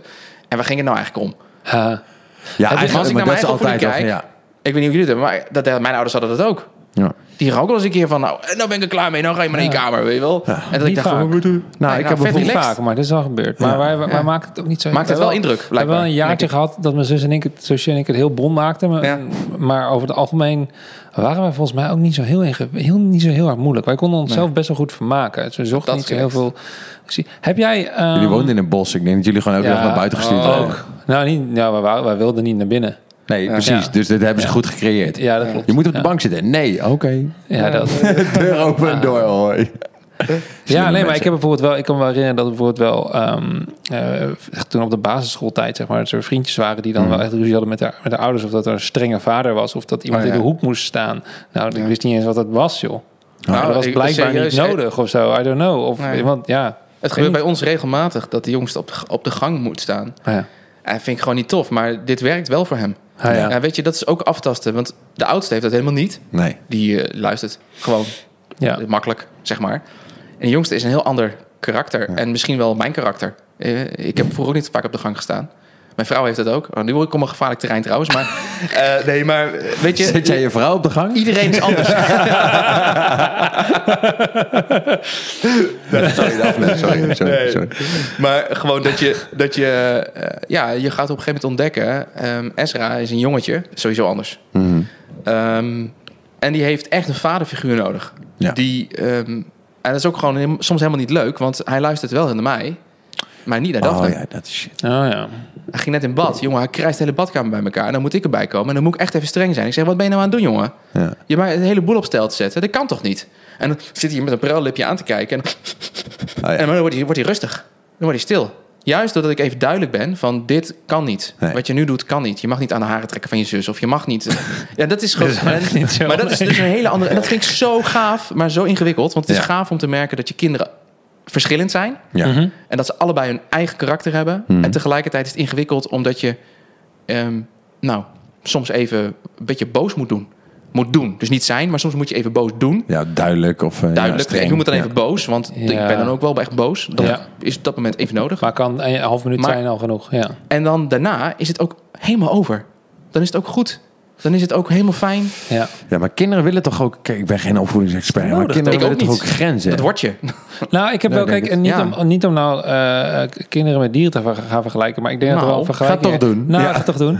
Er ligt, er ligt een vergelijking in, in de zin van, ehm, ik heb vaak ge- eh, ge- gehoord dat ehm, voor het mensen, oké, als, als een eh, gezin bijvoorbeeld een heel jong hondje neemt, Ja. ehm, dan gaat dit heel vaak mis, omdat honden, eh, eh, mensen behandelen zo'n hond veel te lief. Ja. En zo'n hond in het wild, zeg maar, Ja. als hij gewoon nog een moeder heeft, die pakt hem bij zijn nekvel, die Ja. geeft hem een tik. Als die, Ja. die- en dat, dat, knauw. ja, je dat, doen, fysiek dat doen mensen niet en kinderen Nee. al helemaal Nee. niet. Dus zo'n beest wordt later helemaal ontregeld, omdat hij gewoon alleen maar, hij mag alles. Ja. Dus Ja. hij wordt helemaal, helemaal losgeslagen. En hij is schattig, dus hij mag op de bank. En, ja, dat, dit. ja, en dan vervolgens vijf jaar later sloopt hij de hele fucking bank. Ja. Ja. en dan verbaasd opkijken. Ja. nou ja, maar dat, je hebt zo ook een hondje, Ja. toch? Of niet? Ja. Ja. Ehm, Mats en ik eh, zijn allebei wel fan van een guy die Jesse Itzler. Het is een Oh ja. man die heeft zegt I, I build my life resume. Hij heeft gewoon zijn Ja. hele leven allemaal verschillende dingen gedaan. Ja. Mede door hem zijn we begonnen een maand eh, hardlopen en uiteindelijk aan een maand elke, Nog elke even maand keer iets die geks doen. Jesse Itzler. Jesse Dus, eh, Ik kan natuurlijk terugluisteren, maar- Ja, I-T-S-Z-L-E-R of iets dergelijks. Ja. Ehm, hij, eh, een van, hij heeft een hoop regels voor zichzelf om Ja. te zorgen dat, dat, hij- dat hij eh, fit blijft en allerlei Ja. dingen. Ehm, een van de dingen is never too tired for the kids. Ja. Nooit. Hij zegt zelfs als ik thuis kom van een marathon, als Ja. mijn kinderen willen spelen, Ja. ga ik met ze spelen. Ja. Heb, je ook dat, heb je ook regels voor, Ja. je, voor jezelf of voor je Ja. kinderen? Weet je, als je thuis komt als vader, dat is echt een van de vetste momenten. Wat je elke dag weer opnieuw mag ding, leven. Ja. Ja. maar dan mag je elke dag weer, weet je wel. Dat is Ja. zo vet. En dat is voor mij als ik mijn fietsje eh, achter het huis gooi, of de auto. En ik gooi die, die poort open, dan hoor ik al, papa! En ja. dan komen ze aanrennen. En dan kan ik nog zo'n klote dag gehad hebben. Of ik kan nog zo moe zijn. Op dat moment eh, krijgen ze de dikste knuffel van me. En ehm, eh, wil ik graag weten hoe een dag is geweest. Ja. Ehm, en dat, dat hoeft niet eens lang te duren, maar dat is wel mijn regel. Weet je, ik, kan, ik neem geen shit mee naar huis. Dat wil ik gewoon niet. Ehm tuurlijk, Nee. ik neem het wel mee. Het zit in je hoofd. Je kan niet Ja, zeggen tuurlijk, van ik hang het hier neer en is klaar. Maar ehm, daar hoeven de kinderen op dat moment niks van te merken, want dat is hun wereld niet. En dat is mijn regel. Dat mijn ehm, ehm, verantwoordelijkheden die ik heb. En soms is dat zwaar, soms is dat licht. Maar die, daar hoeven we niet, niet mee te dealen. Het gaat niet altijd op. Weet je, er zijn ook periodes in mijn leven geweest eh, dat ik echt diep zat. Bijvoorbeeld vlak na het overlijden van mijn vader. Hmm. Ezra is vier weken voor eh, dat mijn vader overleed, is Ezra geboren. Dus je staat eigenlijk met één poot eh, van... wow, ik ben, ben weer papa geworden Ja. en je eigen papa gaat weg. Ja, dat is, Ja, hele, dat is bizar. Dan zit je echt diep. Ik zit er echt diep op dat moment. Ja. Toen was ik, heb ik zelfs nog een klus gedaan bij New York Pizza. Ja. Dat moet jij nog wel geweten hebben. Toen voelde ik me vet beroerd. Ja, ja, dat- ja. Ja, maar ehm, ehm, daarin wil je dus eigenlijk supergoed voor je kinderen zorgen. Maar je moet ook heel goed voor jezelf zorgen. Ja, je en moet dat ook even is zijn echt wie je een bent. dun lijntje. Zo, Dat is echt spannend. ja. Want dan ga je soms ook wel eens over het lijntje. Niet eh, heftig, maar wel ja, dat de tranen gewoon komen. Terwijl je je kindje loopt knuffelen. Ja, dat, dat, dat is zo gemixt. Dat kan bijna niet samengaan, Nee. weet je wel. En dat is gewoon ingewikkeld. Dat, dat, maakt, ehm, dat maakt mij ook wel mild naar... eh, als ik op straat loop en ik zie een moeder helemaal uit de plaat gaan tegen een kind. Dat is nooit tof om te zien, weet Nee, je? Dat dat je denkt, kom op. En heel veel, er zijn heel veel filmpjes van op internet van... Ah, je ziet die moeder en dat kan niet. En we gaan jeugdbescherming bellen. Ken jij het verhaal van die moeder? Ja, precies. Dat, Weet je, ja. niet dat dat het rechtvaardigt, maar er is altijd een verhaal. En dat verhaal kan je wel het hele plaatje geven. En Ja, dat, dat heb ik zelf ervaren. Mhm. En dat probeer ik dus nu ook altijd toe te passen bij wat ik meemaak, wat ik zie, wat ik denk. Ja. Ja. nee, dit- Ik denk dan altijd, maar dat vind ik met vrouwen vind ik dat gevaarlijk. Zeker in zo'n bui. Maar ik denk eigenlijk, die vrouw heeft waarschijnlijk gewoon even knuffel nodig. ja, Snap je wat ik bedoel? ja. Je bedoelt het gevaarlijk om vanwege de MeToo-movement? Na- nou ja, nee, waarschijnlijk slaat ze me dan in elkaar. Omdat ik precies op het verkeerde moment Nou, ik denk Maar juist dat je bij, weet je, je Met de kan, man hetzelfde. Snap je wat ik bedoel? Ja. Iemand Ja, heeft gewoon ja. even juist liefde Juist. nodig en aandacht. je in kan, plaats dus, van, je kan er dus heen gaan en zeggen, hé hey, mevrouw, wat bent u nou aan het doen? doe eens Dat kind normaal. ja, Of, dat, of hé hey, mevrouw, het is zwaar hè? ja. Weet je, dat is een hele andere benadering. En ik denk dat we wel eens wat liever mogen zijn. ja, ben je oké? Weet je dat- dit? dan hebben we het nog niet eens over zo'n situatie. Maar dit gaat natuurlijk veel breder. Hè? Dit Ja. kunnen we overal op toepassen. Ja. Want vooral in de polarisatie die, nu, die er nu plaatsvindt, joh. Mm. Mensen horen maar één verhaal. En dat is hun eigen verhaal. Ja, en dat, dat- is zo gevaarlijk. Je moet altijd... eh, Horen, wederhoor toepassen. Ja. Jessica Valerius, ik weet niet of jullie haar kennen. Nee. Documentairemaakster. Ehm, zij, heeft, eh, zij maakt veel... Het is leuk om op te zoeken. Zij heeft veel documentaires gemaakt met eh, Am- Amerikaanse gevangenen Mhm. die volgens haar onterecht vastzitten. Zij is Ja. Nederlandse en uh, ze reist er naarheen. En zij, ehm, zij, heeft, zij heeft laatst ook weer een post gemaakt waarin ze zei: ehm, Je moet altijd luisteren naar het verhaal van de, een dader. Slachtoffer natuurlijk ook, maar Ja. ook het verhaal van de dader. Waarom is iemand een dader geworden? Ja. Dat praat misschien niks goed, maar dat geeft je wel het hele plaatje. ja, daar leer je in ieder geval ook van waarom mensen getriggerd worden, weet je wel. Ja, Dat, eh, ja. dus dat. Schrijf, schrijf het even op hoor. ja. Jessica Valerius. Ja, Jessica Valerius. met een V. Ja, het is, volgens mij komt ze uit Friesland. Oké. Vi- Valerius. Dat klinkt wel eh, als, als Fries, Fries. denk ik. Zij, zij heeft al docus gemaakt voor NPO. En eh, zij is ook een keer met zo'n arrestatieteam op pad geweest. En een paar afleveringen van gemaakt. Tof. zij, Zij is wel- gaat, zij gaat net iets altijd dieper met documentaires. Vind ik altijd wel fijn. Als iemand eh, niet zo Ja, ja. eh, Nee, zeker. wat Docus, doet het docus met- moeten wel echt de diepte in. Anders dan... eh, ja, vind ik- anders is het gewoon een reality show. Ik bedoel, je... Ja, of, een, of een beetje een mooi zoetsappig verhaal over iemand die succesvol is of wat dan ook. Ja. Maar laten we wel Ja. even de drama opzoeken en waar het, wat er allemaal achter zit. En Ja. ja, ja, het hele plaatje. Juist. Toch? Dat vind ik Ja. altijd mooi. Ja. Ja. Ja, dat, dan heb je een goed verhaal om te halen, Ja. denk ik. Ja. Ja, tof. Ehm, ja, ik wil eigenlijk nog wel meer induiken in wat, wat, wat je dan als filmmaker, want dat vind ik heel interessant. ja, natuurlijk. Wat jij als filmmaker allemaal gedaan hebt. Want eh, een beetje ouwe hoeren over pizza's met dat, eh, dat, was altijd wel. wel Maar dat zal, niet, Ja. dat zal niet alles zijn geweest. Ho, ho, nee. ho. Nee, geitje natuurlijk. Nou, wat, wat, wat wij, wat wij veel. Nee, dat was wel. Ik, ik, eh, serieus, ik vond het altijd de leukste klussen, omdat er ook gewoon een soort van vriendschap onderling lag, zeg maar. Ja, ja. En dat heb je met andere klussen wat minder. En dan heb je gewoon meer een zakelijke relatie. En Ja. dat is ook oké. Ehm, maar wij deden wel gewoon heel veel zakelijke video's. Of wij, ik was eigenlijk alleen en we hadden een, groep van andere filmmakers, net zoals jij werkt. En Ja. je hielp elkaar als je wat meerdere, als je wat grotere klussen had. Ehm, ja, maar dat waren vaak zakelijke video's. eh, en af en toe is een e-learning tussendoor. Maar altijd wel proberen er ehm, creatief gezien wat meer uit te halen dan dat de opdrachtgever vraagt. En dat, hè, dat is toch altijd wel een van mijn eh, uitgangspunten geweest om te kijken.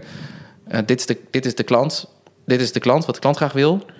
En dan gaan we die klant toch verrassen Ja. door er nog iets ehm, extra in te stoppen. Of met een ander idee te komen. Ja, soms zeggen, sommigen zeggen, hey, dat, is, dat hoef ik niet. Ik, dit is gewoon wat ik wil, prima.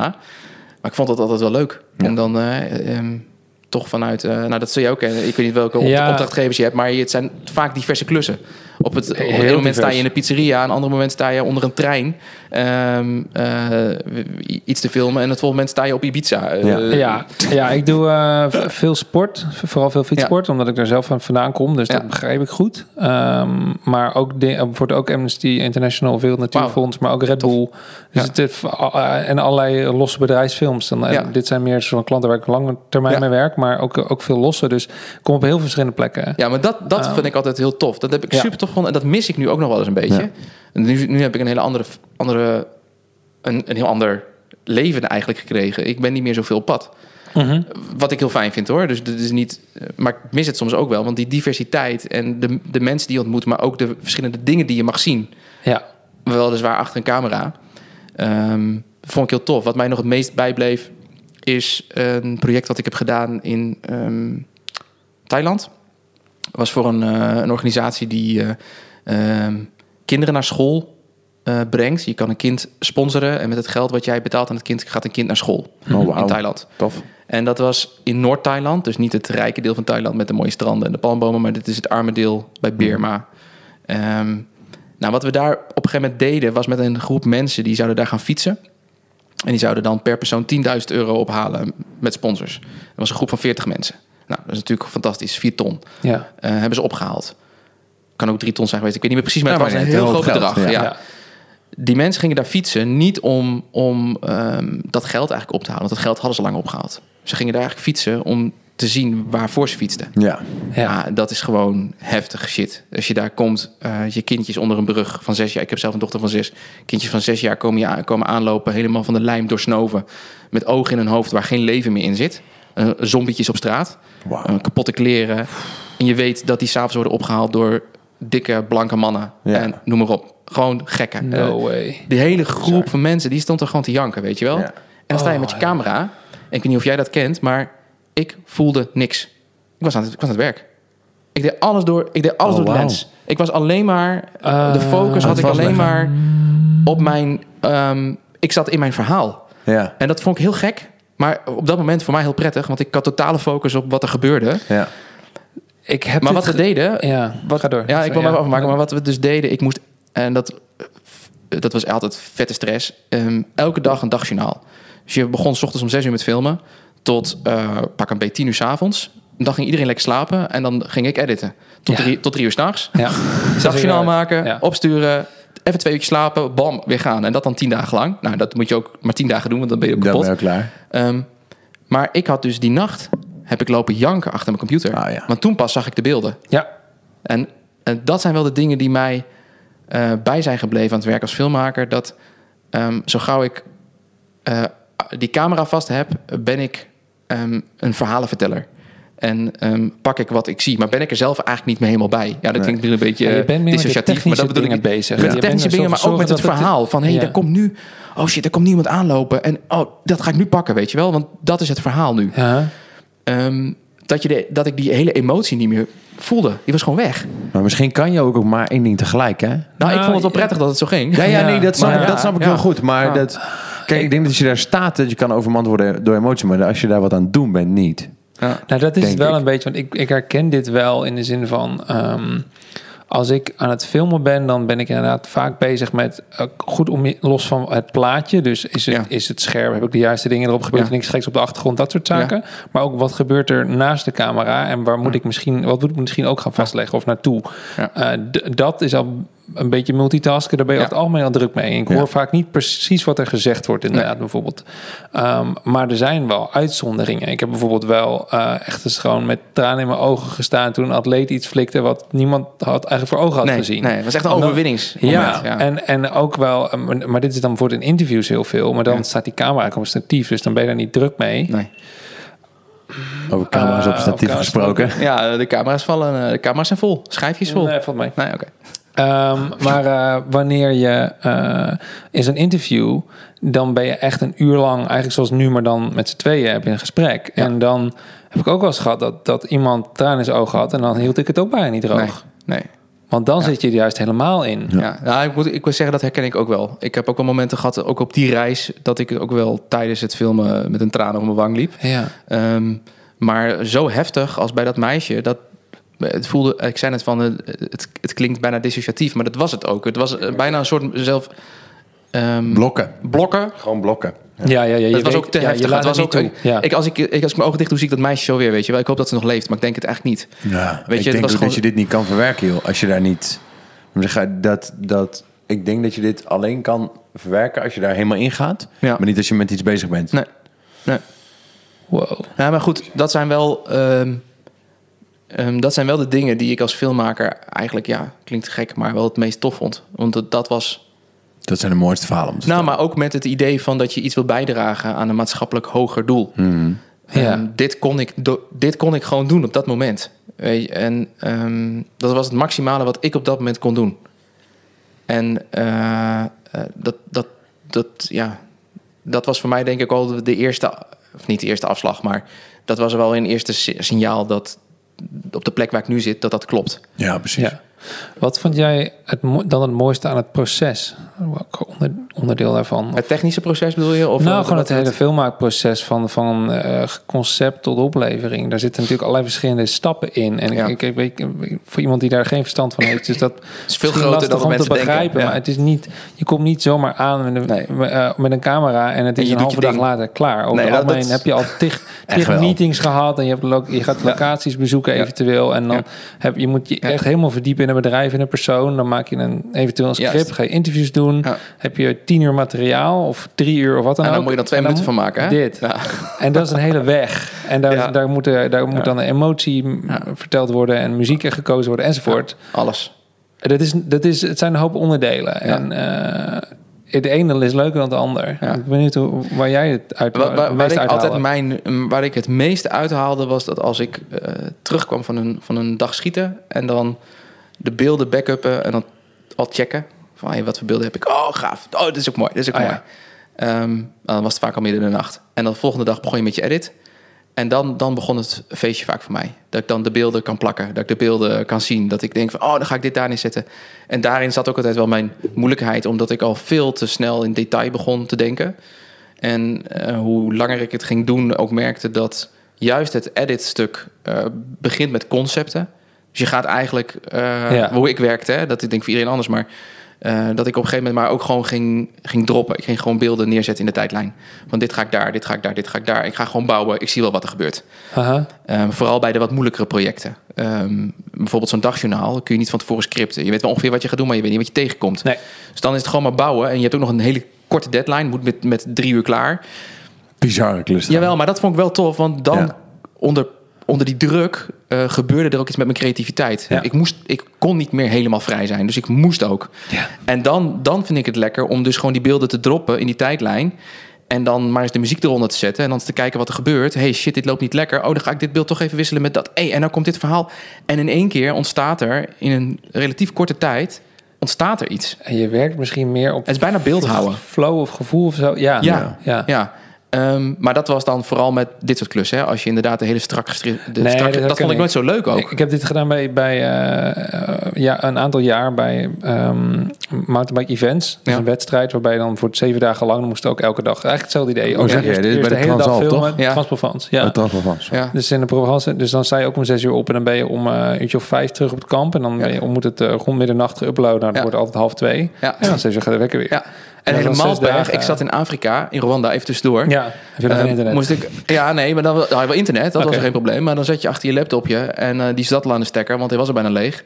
Maar in Rwanda gaat gewoon de stroom om het half uur gewoon even 10 minuten eraf. Ah, en dan, oh ja, dat is gewoon normaal. En dan staat het daarna weer op. Killing, echt. Dat is echt. Ja. Die kan niet door. Weet je, Ja, je komt helemaal uit je flow en dan moet je maar gewoon- ga verder. Ja? Nee, wij moesten in Frankrijk, dat grappig, want eh, de afgelopen de laatste paar jaar heb je eh, gewoon fatsoenlijk internet daar in. Alpen. Dat had je niet altijd. Nee. Vijf jaar geleden moesten wij eh, nog een half uur in de auto naar een dalletje, want daar was een dorpje. En dan kon kon je met, en dan kon je via nee dan, dan want daar was ergens I kid you not, er was op één kruispunt in dat dorp was 3G en dan zaten we daar 20, 20 minuten met z'n tweeën in de auto. De een, de een naar, Oh, man. de een naar Vimeo en de ander naar, naar eh, Facebook. En dan wie de dat eerste was. Ja. En dan zaten we, nou, nou ja, goed. En dan zat je daar met z'n tweeën in de auto om Ja. half twee s'nachts. En dan moesten we weer de berg op, waar het camping was of het hotel. Ja, Ja, en dan dat. ehm, daar, maar daar, onder die druk juist. ja, en dan maak je, dan doe je het andere. Ik ging er heel erg van, ik pak het eigenlijk puur chronologisch en ik Ja. pakte de stukjes, interviewtjes en verhalen Ja. en ik, het komt wel. Dan Ja. maakte ik het gewoon eigenlijk het hele verhaal comprimeerde ik van lang naar kort. Ja. En bij grotere klussen, waarbij je meer een concept is, ook Ja. uit die lange interviews, dan is het veel meer, eh, oké, dit is het verhaal wat we willen vertellen. Wat zijn de mooiste stukken uit de interviews? Hoe, Ja. hoe dragen die bij in dat verhaal? Ja. En dan ga je die plaatsen. En als het verhaal is, Maar dat is dan veel pas, meer technisch. ja, dan pas ga ik nadenken over actiescènes en zo. Het is heel anders. Ja. Maar het is wel grappig, want bij mij is het hetzelfde. Ook al vind ik alle stappen leuk. En Ja. ik vind het heerlijk om, om te filmen of te regisseren. Ja. Maar ehm, de, Als je puzzel- materiaal verzameld hebt. Ja, de puzzel op zijn plek laten vallen. Dus, En dan begin is vaak nog relatief... Gewoon door die bulk heen, dat, dat Ja. is nog niet het spannendst. Ja. Maar zodra het begint te klikken en je zelf ook wat begint te voelen... en te begint te herkennen wat je in je hoofd zag... dat je dat nu op je scherm ziet... Ja. Ja, dat, dat, Dat vond ik... is, dat is echt fantastisch. Wat je op je scherm ziet. Ja, Ja, ik Of niet, ja. Nee, maar ja, dat, dat klopt. is En echt dat, eh, dat heb ik, dat, dat ehm, vond ik altijd het prettigste. Hoewel, eh, ik moet in één keer denken aan een ander voorbeeld nog. Dat was niet gescript, maar dat gebeurde op een dag. Dat was dus in Afrika, in Rwanda. Wat trouwens echt een prachtig land, land is. is. Wat een land. Ook voor fietsers trouwens. want Daar gingen ze ook fietsen. Ehm, natuurlijk met een hele heftige geschiedenis. Ehm, maar ehm, wij, wij hebben daar de hele reis, tien dagen lang, politiebegeleiding gehad. Niet omdat, eh, omdat we zouden worden aangevallen, maar het was meer om de straat schoon te vegen, dat die fietsers er langs konden. Oh ja. Maar die gast die ons begeleidde, dat was een, dat was een superintendent. eh, Ja. Was de twee na hoogste man van het politieapparaat in het land. Ja. Dus dat was niet zomaar iemand, het was ook echt iemand met status daar. Ja. Ehm, nou, en ze hebben daar echt super mooie politiewagens en mooie politiemotors. Amerikaans allemaal echt super. Voor Ja, het ja. beeld ook vet. Super tof. Ja. En dat deed, ik, dat deed ik voor dezelfde organisatie. Die organisatie die dus, eh, waar je een kindje kunt sponsoren. En ehm, dat kind kan dan naar school. Ja. En doordat het kind naar school gaat in zo'n land, ehm, heeft het meer kans op een baan. Ja. En op een betere toekomst. En Ja. dus ook voor de familie van het gezin ook. En Ja, dat, dat dus voor draait- iedereen beter, allemaal door, ja. En ehm, gedurende die reis raakten we aan de praat met die superintendent. Ja. Eh, die man die stotterde echt enorm. Wat heel bijzonder was in zijn functie. Ja. Ehm, maar op een gegeven moment kwamen we erachter dat hij, hij was denk ik een jaar of 38, als kind in dat programma had gezeten. Oh, wauw. Wat in dat tof. kindprogramma. Daarom was hij Wauw. daar. Ja, dat is... Kippenvel, toen we dat ontdekten. Maat. En dat hij toen ging vertellen Nu van ook. joh, maar dat is de reden. Ik kreeg, ehm, wij, wij, wij kregen door dat er mensen uit Nederland zouden komen die geld gingen ophalen voor Compassion. Dat is de organisatie waar we dat voor deden. Ja. Zit hij trouwens in Apeldoorn, ehm, het hoofdkantoor. Maar ehm, en toen had hij dat gehoord en zei hij, ja, maar dan ga ik ze begeleiden. Ik ga ze persoonlijk begeleiden. niet dat is, wat. Dat is Ja. wat ik nu terug kan doen. Ah, fuck. Ah, verhaal, jongen. Het verhaal Ja, ont- cool. ontvouwt, zich gewoon voor je. En toen hebben we gezegd, joh, dan gaan we gewoon één dagjournaal aan jou, aan jou wijden. Ja, man. Dus even cool. niet meer over de fietsers. We hebben gewoon de hele dag hem gevolgd in zijn werk. Wat hij allemaal deed voor ons. Dus die mensen die de achterblijvers hier in Nederland gingen een dagjournaal kijken. Oh, leuk, gaan we kijken, want eh, Piet die doet mee. En Mhm. nee, Piet is er niet op. Het gaat alleen maar over die ag- agent. Ja. En aan het einde, naar de climax toe, vertelde hij... Ja, ik doe dit eigenlijk omdat ik zelf ook een compassion kind was. En ik ben nu hier opgeklommen naar deze baan. Dankzij compassion. twist, ja. Nou, fantastisch, joh. En dan, toen had ja, ik ook wel een traantje lopen, hoor. Ja, maar dit is zo ja, mooi, want dit is waarom goede doelen werken. We zien alleen maar vaak korte termijn het gezeik en de bullshit en de overheid kosten en bla bla bla. Maar dit is waarom het werkt. Ja, absoluut. Absoluut. Vet. Ja. dat was wel even kipvel. Maar dat is als Ja. filmmaker ook relaxed hoor. Want dan heb je dus Ja, gewoon joh. eigenlijk een snoepje. Je krijgt gewoon Ja. een, cadeautje. ja. Vanaf van Je- vandaag je- eh, je moet hoef je echt- niet moeilijk te doen over je Je, verhaal. moet Het echt is... je moet echt slecht zijn in je vak als je dat wil verpesten. Zo Ja, ja, ja. ja, nou, Maar, joh, waarom hebben we Piet niet dan vandaag? Ja, ik heb Piet nu wel een beetje gemist. Ja, nee, maar goed. Piet was ook relaxed. Ja, Ja, dat was tof. oh wauw, wat goed Ja. zeg. Heb je meer van dat soort dingen meegemaakt? Nou, vast wel. Een soort van pareltjes gevonden? Ja. Oh, pareltjes, nog meer pareltjes. Eh, nou, niet, niet op dit gebied, zeg maar. Dit Nee, waren wel... Dit Dit waren uniek wel eh, natuurlijk, maar ja. Ja, weet je, ook wel... eh, wat in Thailand wel heel tof was... was dat ik als filmmaker meeging met een, met een local guide. Dus de hele groep die ging... die hadden ook allemaal, allemaal gidsen, maar ik had mijn eigen gids. En dat is vet relaxed, want je bent veel vrijer. Je hoeft Ja. niet de hele tijd met de groep mee. Ah, en dat was gewoon een hele toffe gast. Ehm, in Thailand heeft iedereen een bijnaam. Uh-huh. En hij heette Beaver. En eh, ik weet ook niet eens meer hoe die echt heet. Nee, maakt ook eh, niet uit. Had hem bijna. Maar die gast die ben ik altijd blijven volgen. We hebben altijd contact gehouden. En hij woont inmiddels in Amerika, zit daar in het leger. En eh, een heel andere kant op gegaan. Maar dat vind ik wel tof aan dat soort reizen ook. Dat je mensen ontmoet ehm, die je anders nooit had ontmoet. En, dat En je die daar bij je blijven. steeds. En die, ja, Ja, weet je, daar heb je nog steeds af en toe contact mee. ja. En ehm, dat, was, eh, ah, dat was gewoon echt. eh, hij heeft mij ook heel veel dingen van Thailand laten zien die, eh, die je niet eh, ehm, te horen krijgt van Mhm. een toeristische gids. Nee, precies. En zei ja, shit joh, zegt we gaan nu even door een buurt heen. Ja, we moeten naar het hotel, we komen hier langs. Is niet heel prettig. Is niet prettig. En verdorie, weet je, ik zou de auto bijna uitspringen, want dan lopen gewoon eh, de blanke mannen. En die lopen daar langs kinderen heen. En je ziet het gewoon gebeuren, gast. Echt. Dan word ik zo. En dan heb ik mijn rechtvaardigheidsgevoel wordt dan zo. Ik zou zo die auto uit rennen, weet je wel. En eh, daar kon ik met hem dan heel goed over praten. Niet dat hij het ging rechtvaardigen, helemaal niet. Hij Nee, nee, het ook nee, dat, verschrikkelijk. dat snap ik. ja. Maar hij ging wel uitleggen hoe dat dan bijvoorbeeld in de cultuur ging. Ah, trouwens, nog wel een mooi verhaal over Thailand. Nu je er toch eh, over gaat. Op een gegeven moment liepen we ergens bij de grens van Birma. En ehm, ja, daar, daar, daar wonen de mensen gewoon in, in de jungle. Ehm, ehm, op, op, ehm, in huizen op palen van bamboe. En ehm dan lopen ze met grote rieten manden lopen ze besjes te verzamelen voor het avondeten. En dat is het leven daar. Ja, Dat is totaal echt niet. jungle, En dan jungle. heb je ook echt jungle jungle, ja. En, Wij zouden dat geen maar- beschaving noemen. Nee, Ja. op die hutjes, zeg maar, stond Ja. bij ieder hutje stond een gigantische schotelantenne. dus ik zo, gast, ik zeg tegen die beaver, ik zeg, Hoe joh, hoe, hoe, dit vind ik echt heel gek, weet je. Ik zeg, want deze mensen zijn gewoon arm, maar ze hebben wel geld. Eh, ik was echt een beetje, nou niet verontwaardigd, maar wel, ik snapte het niet. Ja. En hij zei van, eh, eh, eh, niet, niet snel oordelen. Nou, dat vond ik sowieso wel tof dat hij als Thai zo eh, Ja. direct was. Eh, ik denk ook dat hij meer westers was dan... Ja, want de meeste Aziatische mensen zijn wat servieler, toch? Wat meer dienend. Ja, en, en, dienend. En die zullen ja. jou dit soort opmerkingen zullen ze gek vinden, maar dan gaan ze Ja. niet gelijk op reageren. En hij deed dat wel. En hij zei, joh, deze mensen die kopen een schotelantenne en een grote televisie die je kunt bedenken. Het ko- Het kost hier ook veel minder. Ja. Want het wordt namelijk hier gemaakt. Ja, dit, Ehm, maar ze kopen dit voor hun kinderen om hun kinderen binnen te houden. Want zo gauw deze kinderen naar buiten gaan, worden ze ontvoerd. Oh. En belanden ze in de prostitutie. No way. Dus dit is waarom deze mensen hiervoor kiezen om gewoon hun kinderen entertainment te geven, zodat ze maar binnen blijven.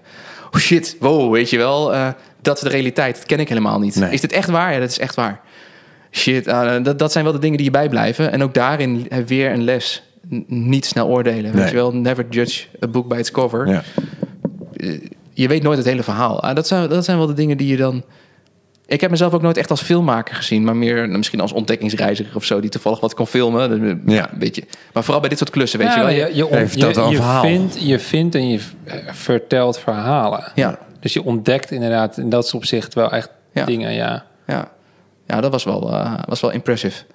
En eh, ook dat je op een gegeven moment eh, aan, de, aan de grens van Birma staat. Dat is een hele grote rivier, een hele brede rivier. Nou, Birma, dat eh, is nu ook weer... eh, oh, het is nu trouwens weer even stil in het nieuws... maar het is altijd ellende daar eigenlijk. ja. Mm. De Rohingya, die zijn daar net het Oh, land ja. uitgezet. Ja.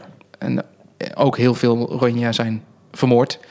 Ehm, dat is gewoon een minderheid in het land. Oh. En ja, hetzelfde als in Rwanda ehm, met de Hutu- Hut- Hutus en de Tutsis. Ja. Ehm, we weten het als Westelingen. Ja. Maar wat doen, wat doen we nou eigenlijk? ja, helemaal Ja. niks. Nou, maar dat is wel eens irritant, hè? En je moet je ook zelf afvragen, wat doe ik dan? Ja. Dat is een, de belangrijkste vraag. Niet van, we doen niks, maar wat doe ik dan? Ja. Ehm, durf ik een stem te zijn? Ja. Uh, in hoeverre kan ik een stem zijn? Nou ja, allemaal vragen. Maar dat vond ik ook heel indrukwekkend. Dat je dus weet van, hey, wij staan nu in Thailand en daar is het redelijk democratisch. Toen was de vorige koning er nog. En nu is de nieuwe koning. Het is ook een hele hoop gedoe in Thailand nu. Maar ehm, dat je dus ziet van aan de andere kant van het water is gewoon een dictator aan de macht.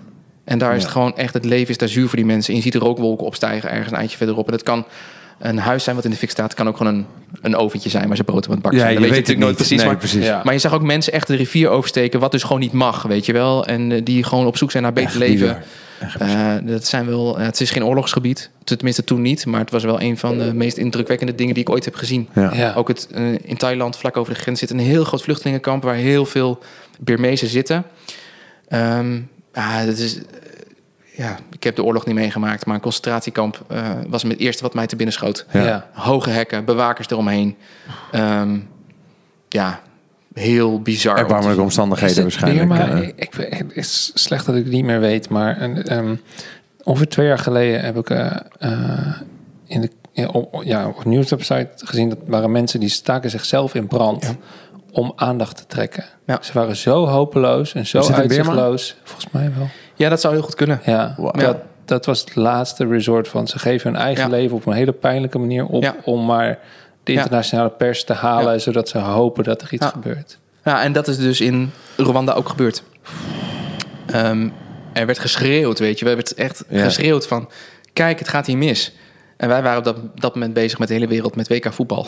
Oh ja. En Dat was, dat was het belangrijkste waar wij mee Ja. bezig waren. En pas toen het, En daar kunnen Toen we het- onze miljarden toen het al te laat was. Ja. toen het al bezig was... toen pas kwamen de eerste beelden naar buiten. Oh shit, wat is hier aan de hand? Terwijl de, de overheden in het Westen wisten al. Ik wil ze niet... hè, Ik bedoel, het is wel diplomatiek... eh, Nee, maar als het zo is, Maar- dan is het zo, hè? Ja, weet je, het is gewoon echt heftig geweest. En ik vind het nog steeds wel eens lastig om te zien dat wij als Westerlingen... ehm, en dat doe ik zelf ook aan mee, hoor.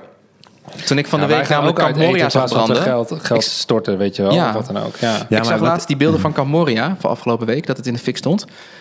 En het eerste Is dat wat dat ik... eh, vluchtelingen... Ja, op Lesbos. Ja, ja. En het eerste wat ik deed, was het beeld uitklikken... en denk, ja, daar heb ik mijn gezin in. Dat is het eerste wat ik deed. ja.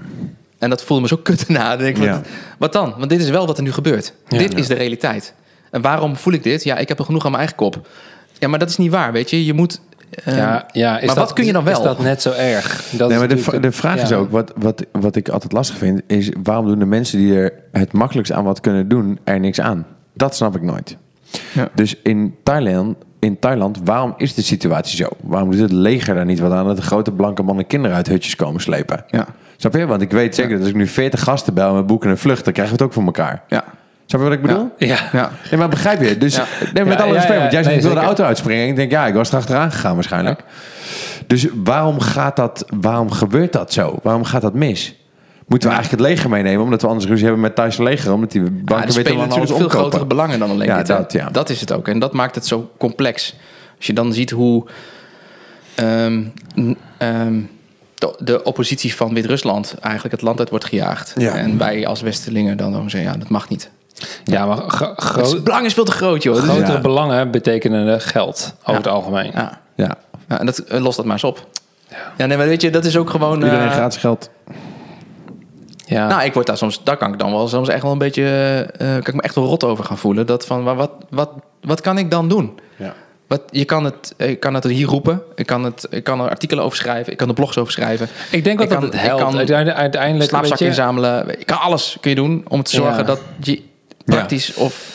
Nou, ja, ik ben in dat opzicht, ik zou niet zeggen een idealist, maar ik denk wel dat als maar genoeg mensen, als iedereen blijft. Kijk, ook al, eh, eh, politiek is vreselijk ingewikkeld. Ja. En het gaat nooit, het gaat nooit perfect, of misschien überhaupt nooit goed.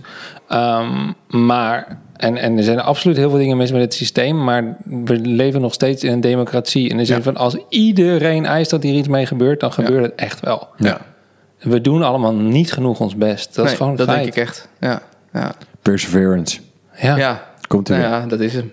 Dat is misschien het keyword van deze avond. Ja. Misschien ook wel mooi om af te sluiten, want we ja. hebben al meer dan twee uur gehad. Ja. Ah, twee uur maar. Oh, lekker joh. Ja, precies dit, ja. Hey, gast, ik vond het echt super gaaf om hier te zijn. En Ik ook, man. ehm, ik vond het eh, ook wel een beetje spannend. Hè, want, Mag. want jij belde mij op en ik Ja. zei, gast, dat ga ik echt niet doen. Want dat vind ik heel super ingewikkeld. en ik hou er niet zo van. Maar gast, jij En- gaat zo lekker als je gewoon gaat zitten en koptelefoon op en gaan. ja. Jawel, maar ik ben echt blij. Ik ben echt blij dat ik hier ben geweest, jongens. Ik Ja, man. heel tof. Super tof. En, eh, Ja, ik Succes vond het met echt super interessant. Nou, eh, leuk. Interessante gozer, interessant gesprek. Dank je leuk wel. om te leren kennen, Lars. Ook. Zeker, jij ook. Top. Top, thanks. Ehm, als mensen jou eh, willen vinden of jouw bedrijf, waar Ja. moeten ze dan naartoe? Nou, dan zou ik nog even wachten met eh, naar de website scrollen. Want eh, die gaan we hopelijk over een week of drie komt er helemaal... Oké, nou, dit is dan een week. Dit is dan over een week wanneer we live gaan. Dus Oké, nou dan mogen jullie volgende week allemaal gaan naar www.newrise.nl. Ehm, dat is onze website van het werk. Top. En je kan mij vast wel ergens vinden op LinkedIn. Ja, Ronald van op, de eh, Ziel. Ja. Of op Luismedia. Of En ik vind het altijd leuk om nieuwe mensen te leren kennen. Ja. Ook, eh, Ronald kun je altijd uitnodigen voor een kop koffie. ja, zeker. Toch? En Nee, andersom is je ook. Ja, ja. vind ik wel gezellig. Ja. Top. Super. Top. Dankjewel, Ronald. Dankjewel. Graag gedaan. Hey, bedankt voor het luisteren naar de Bewonderaars podcast. Super gaaf dat je luistert en we hopen dat je alles wat jij vindt met ons wilt delen. Ja, dat kun je doen op Instagram, de bewonderaars. Of eh, laat bijvoorbeeld een review achter op Apple Podcasts. Ja, en voor alles wat je denkt dat wij interessant vinden, stuur ons deze DM. Thanks.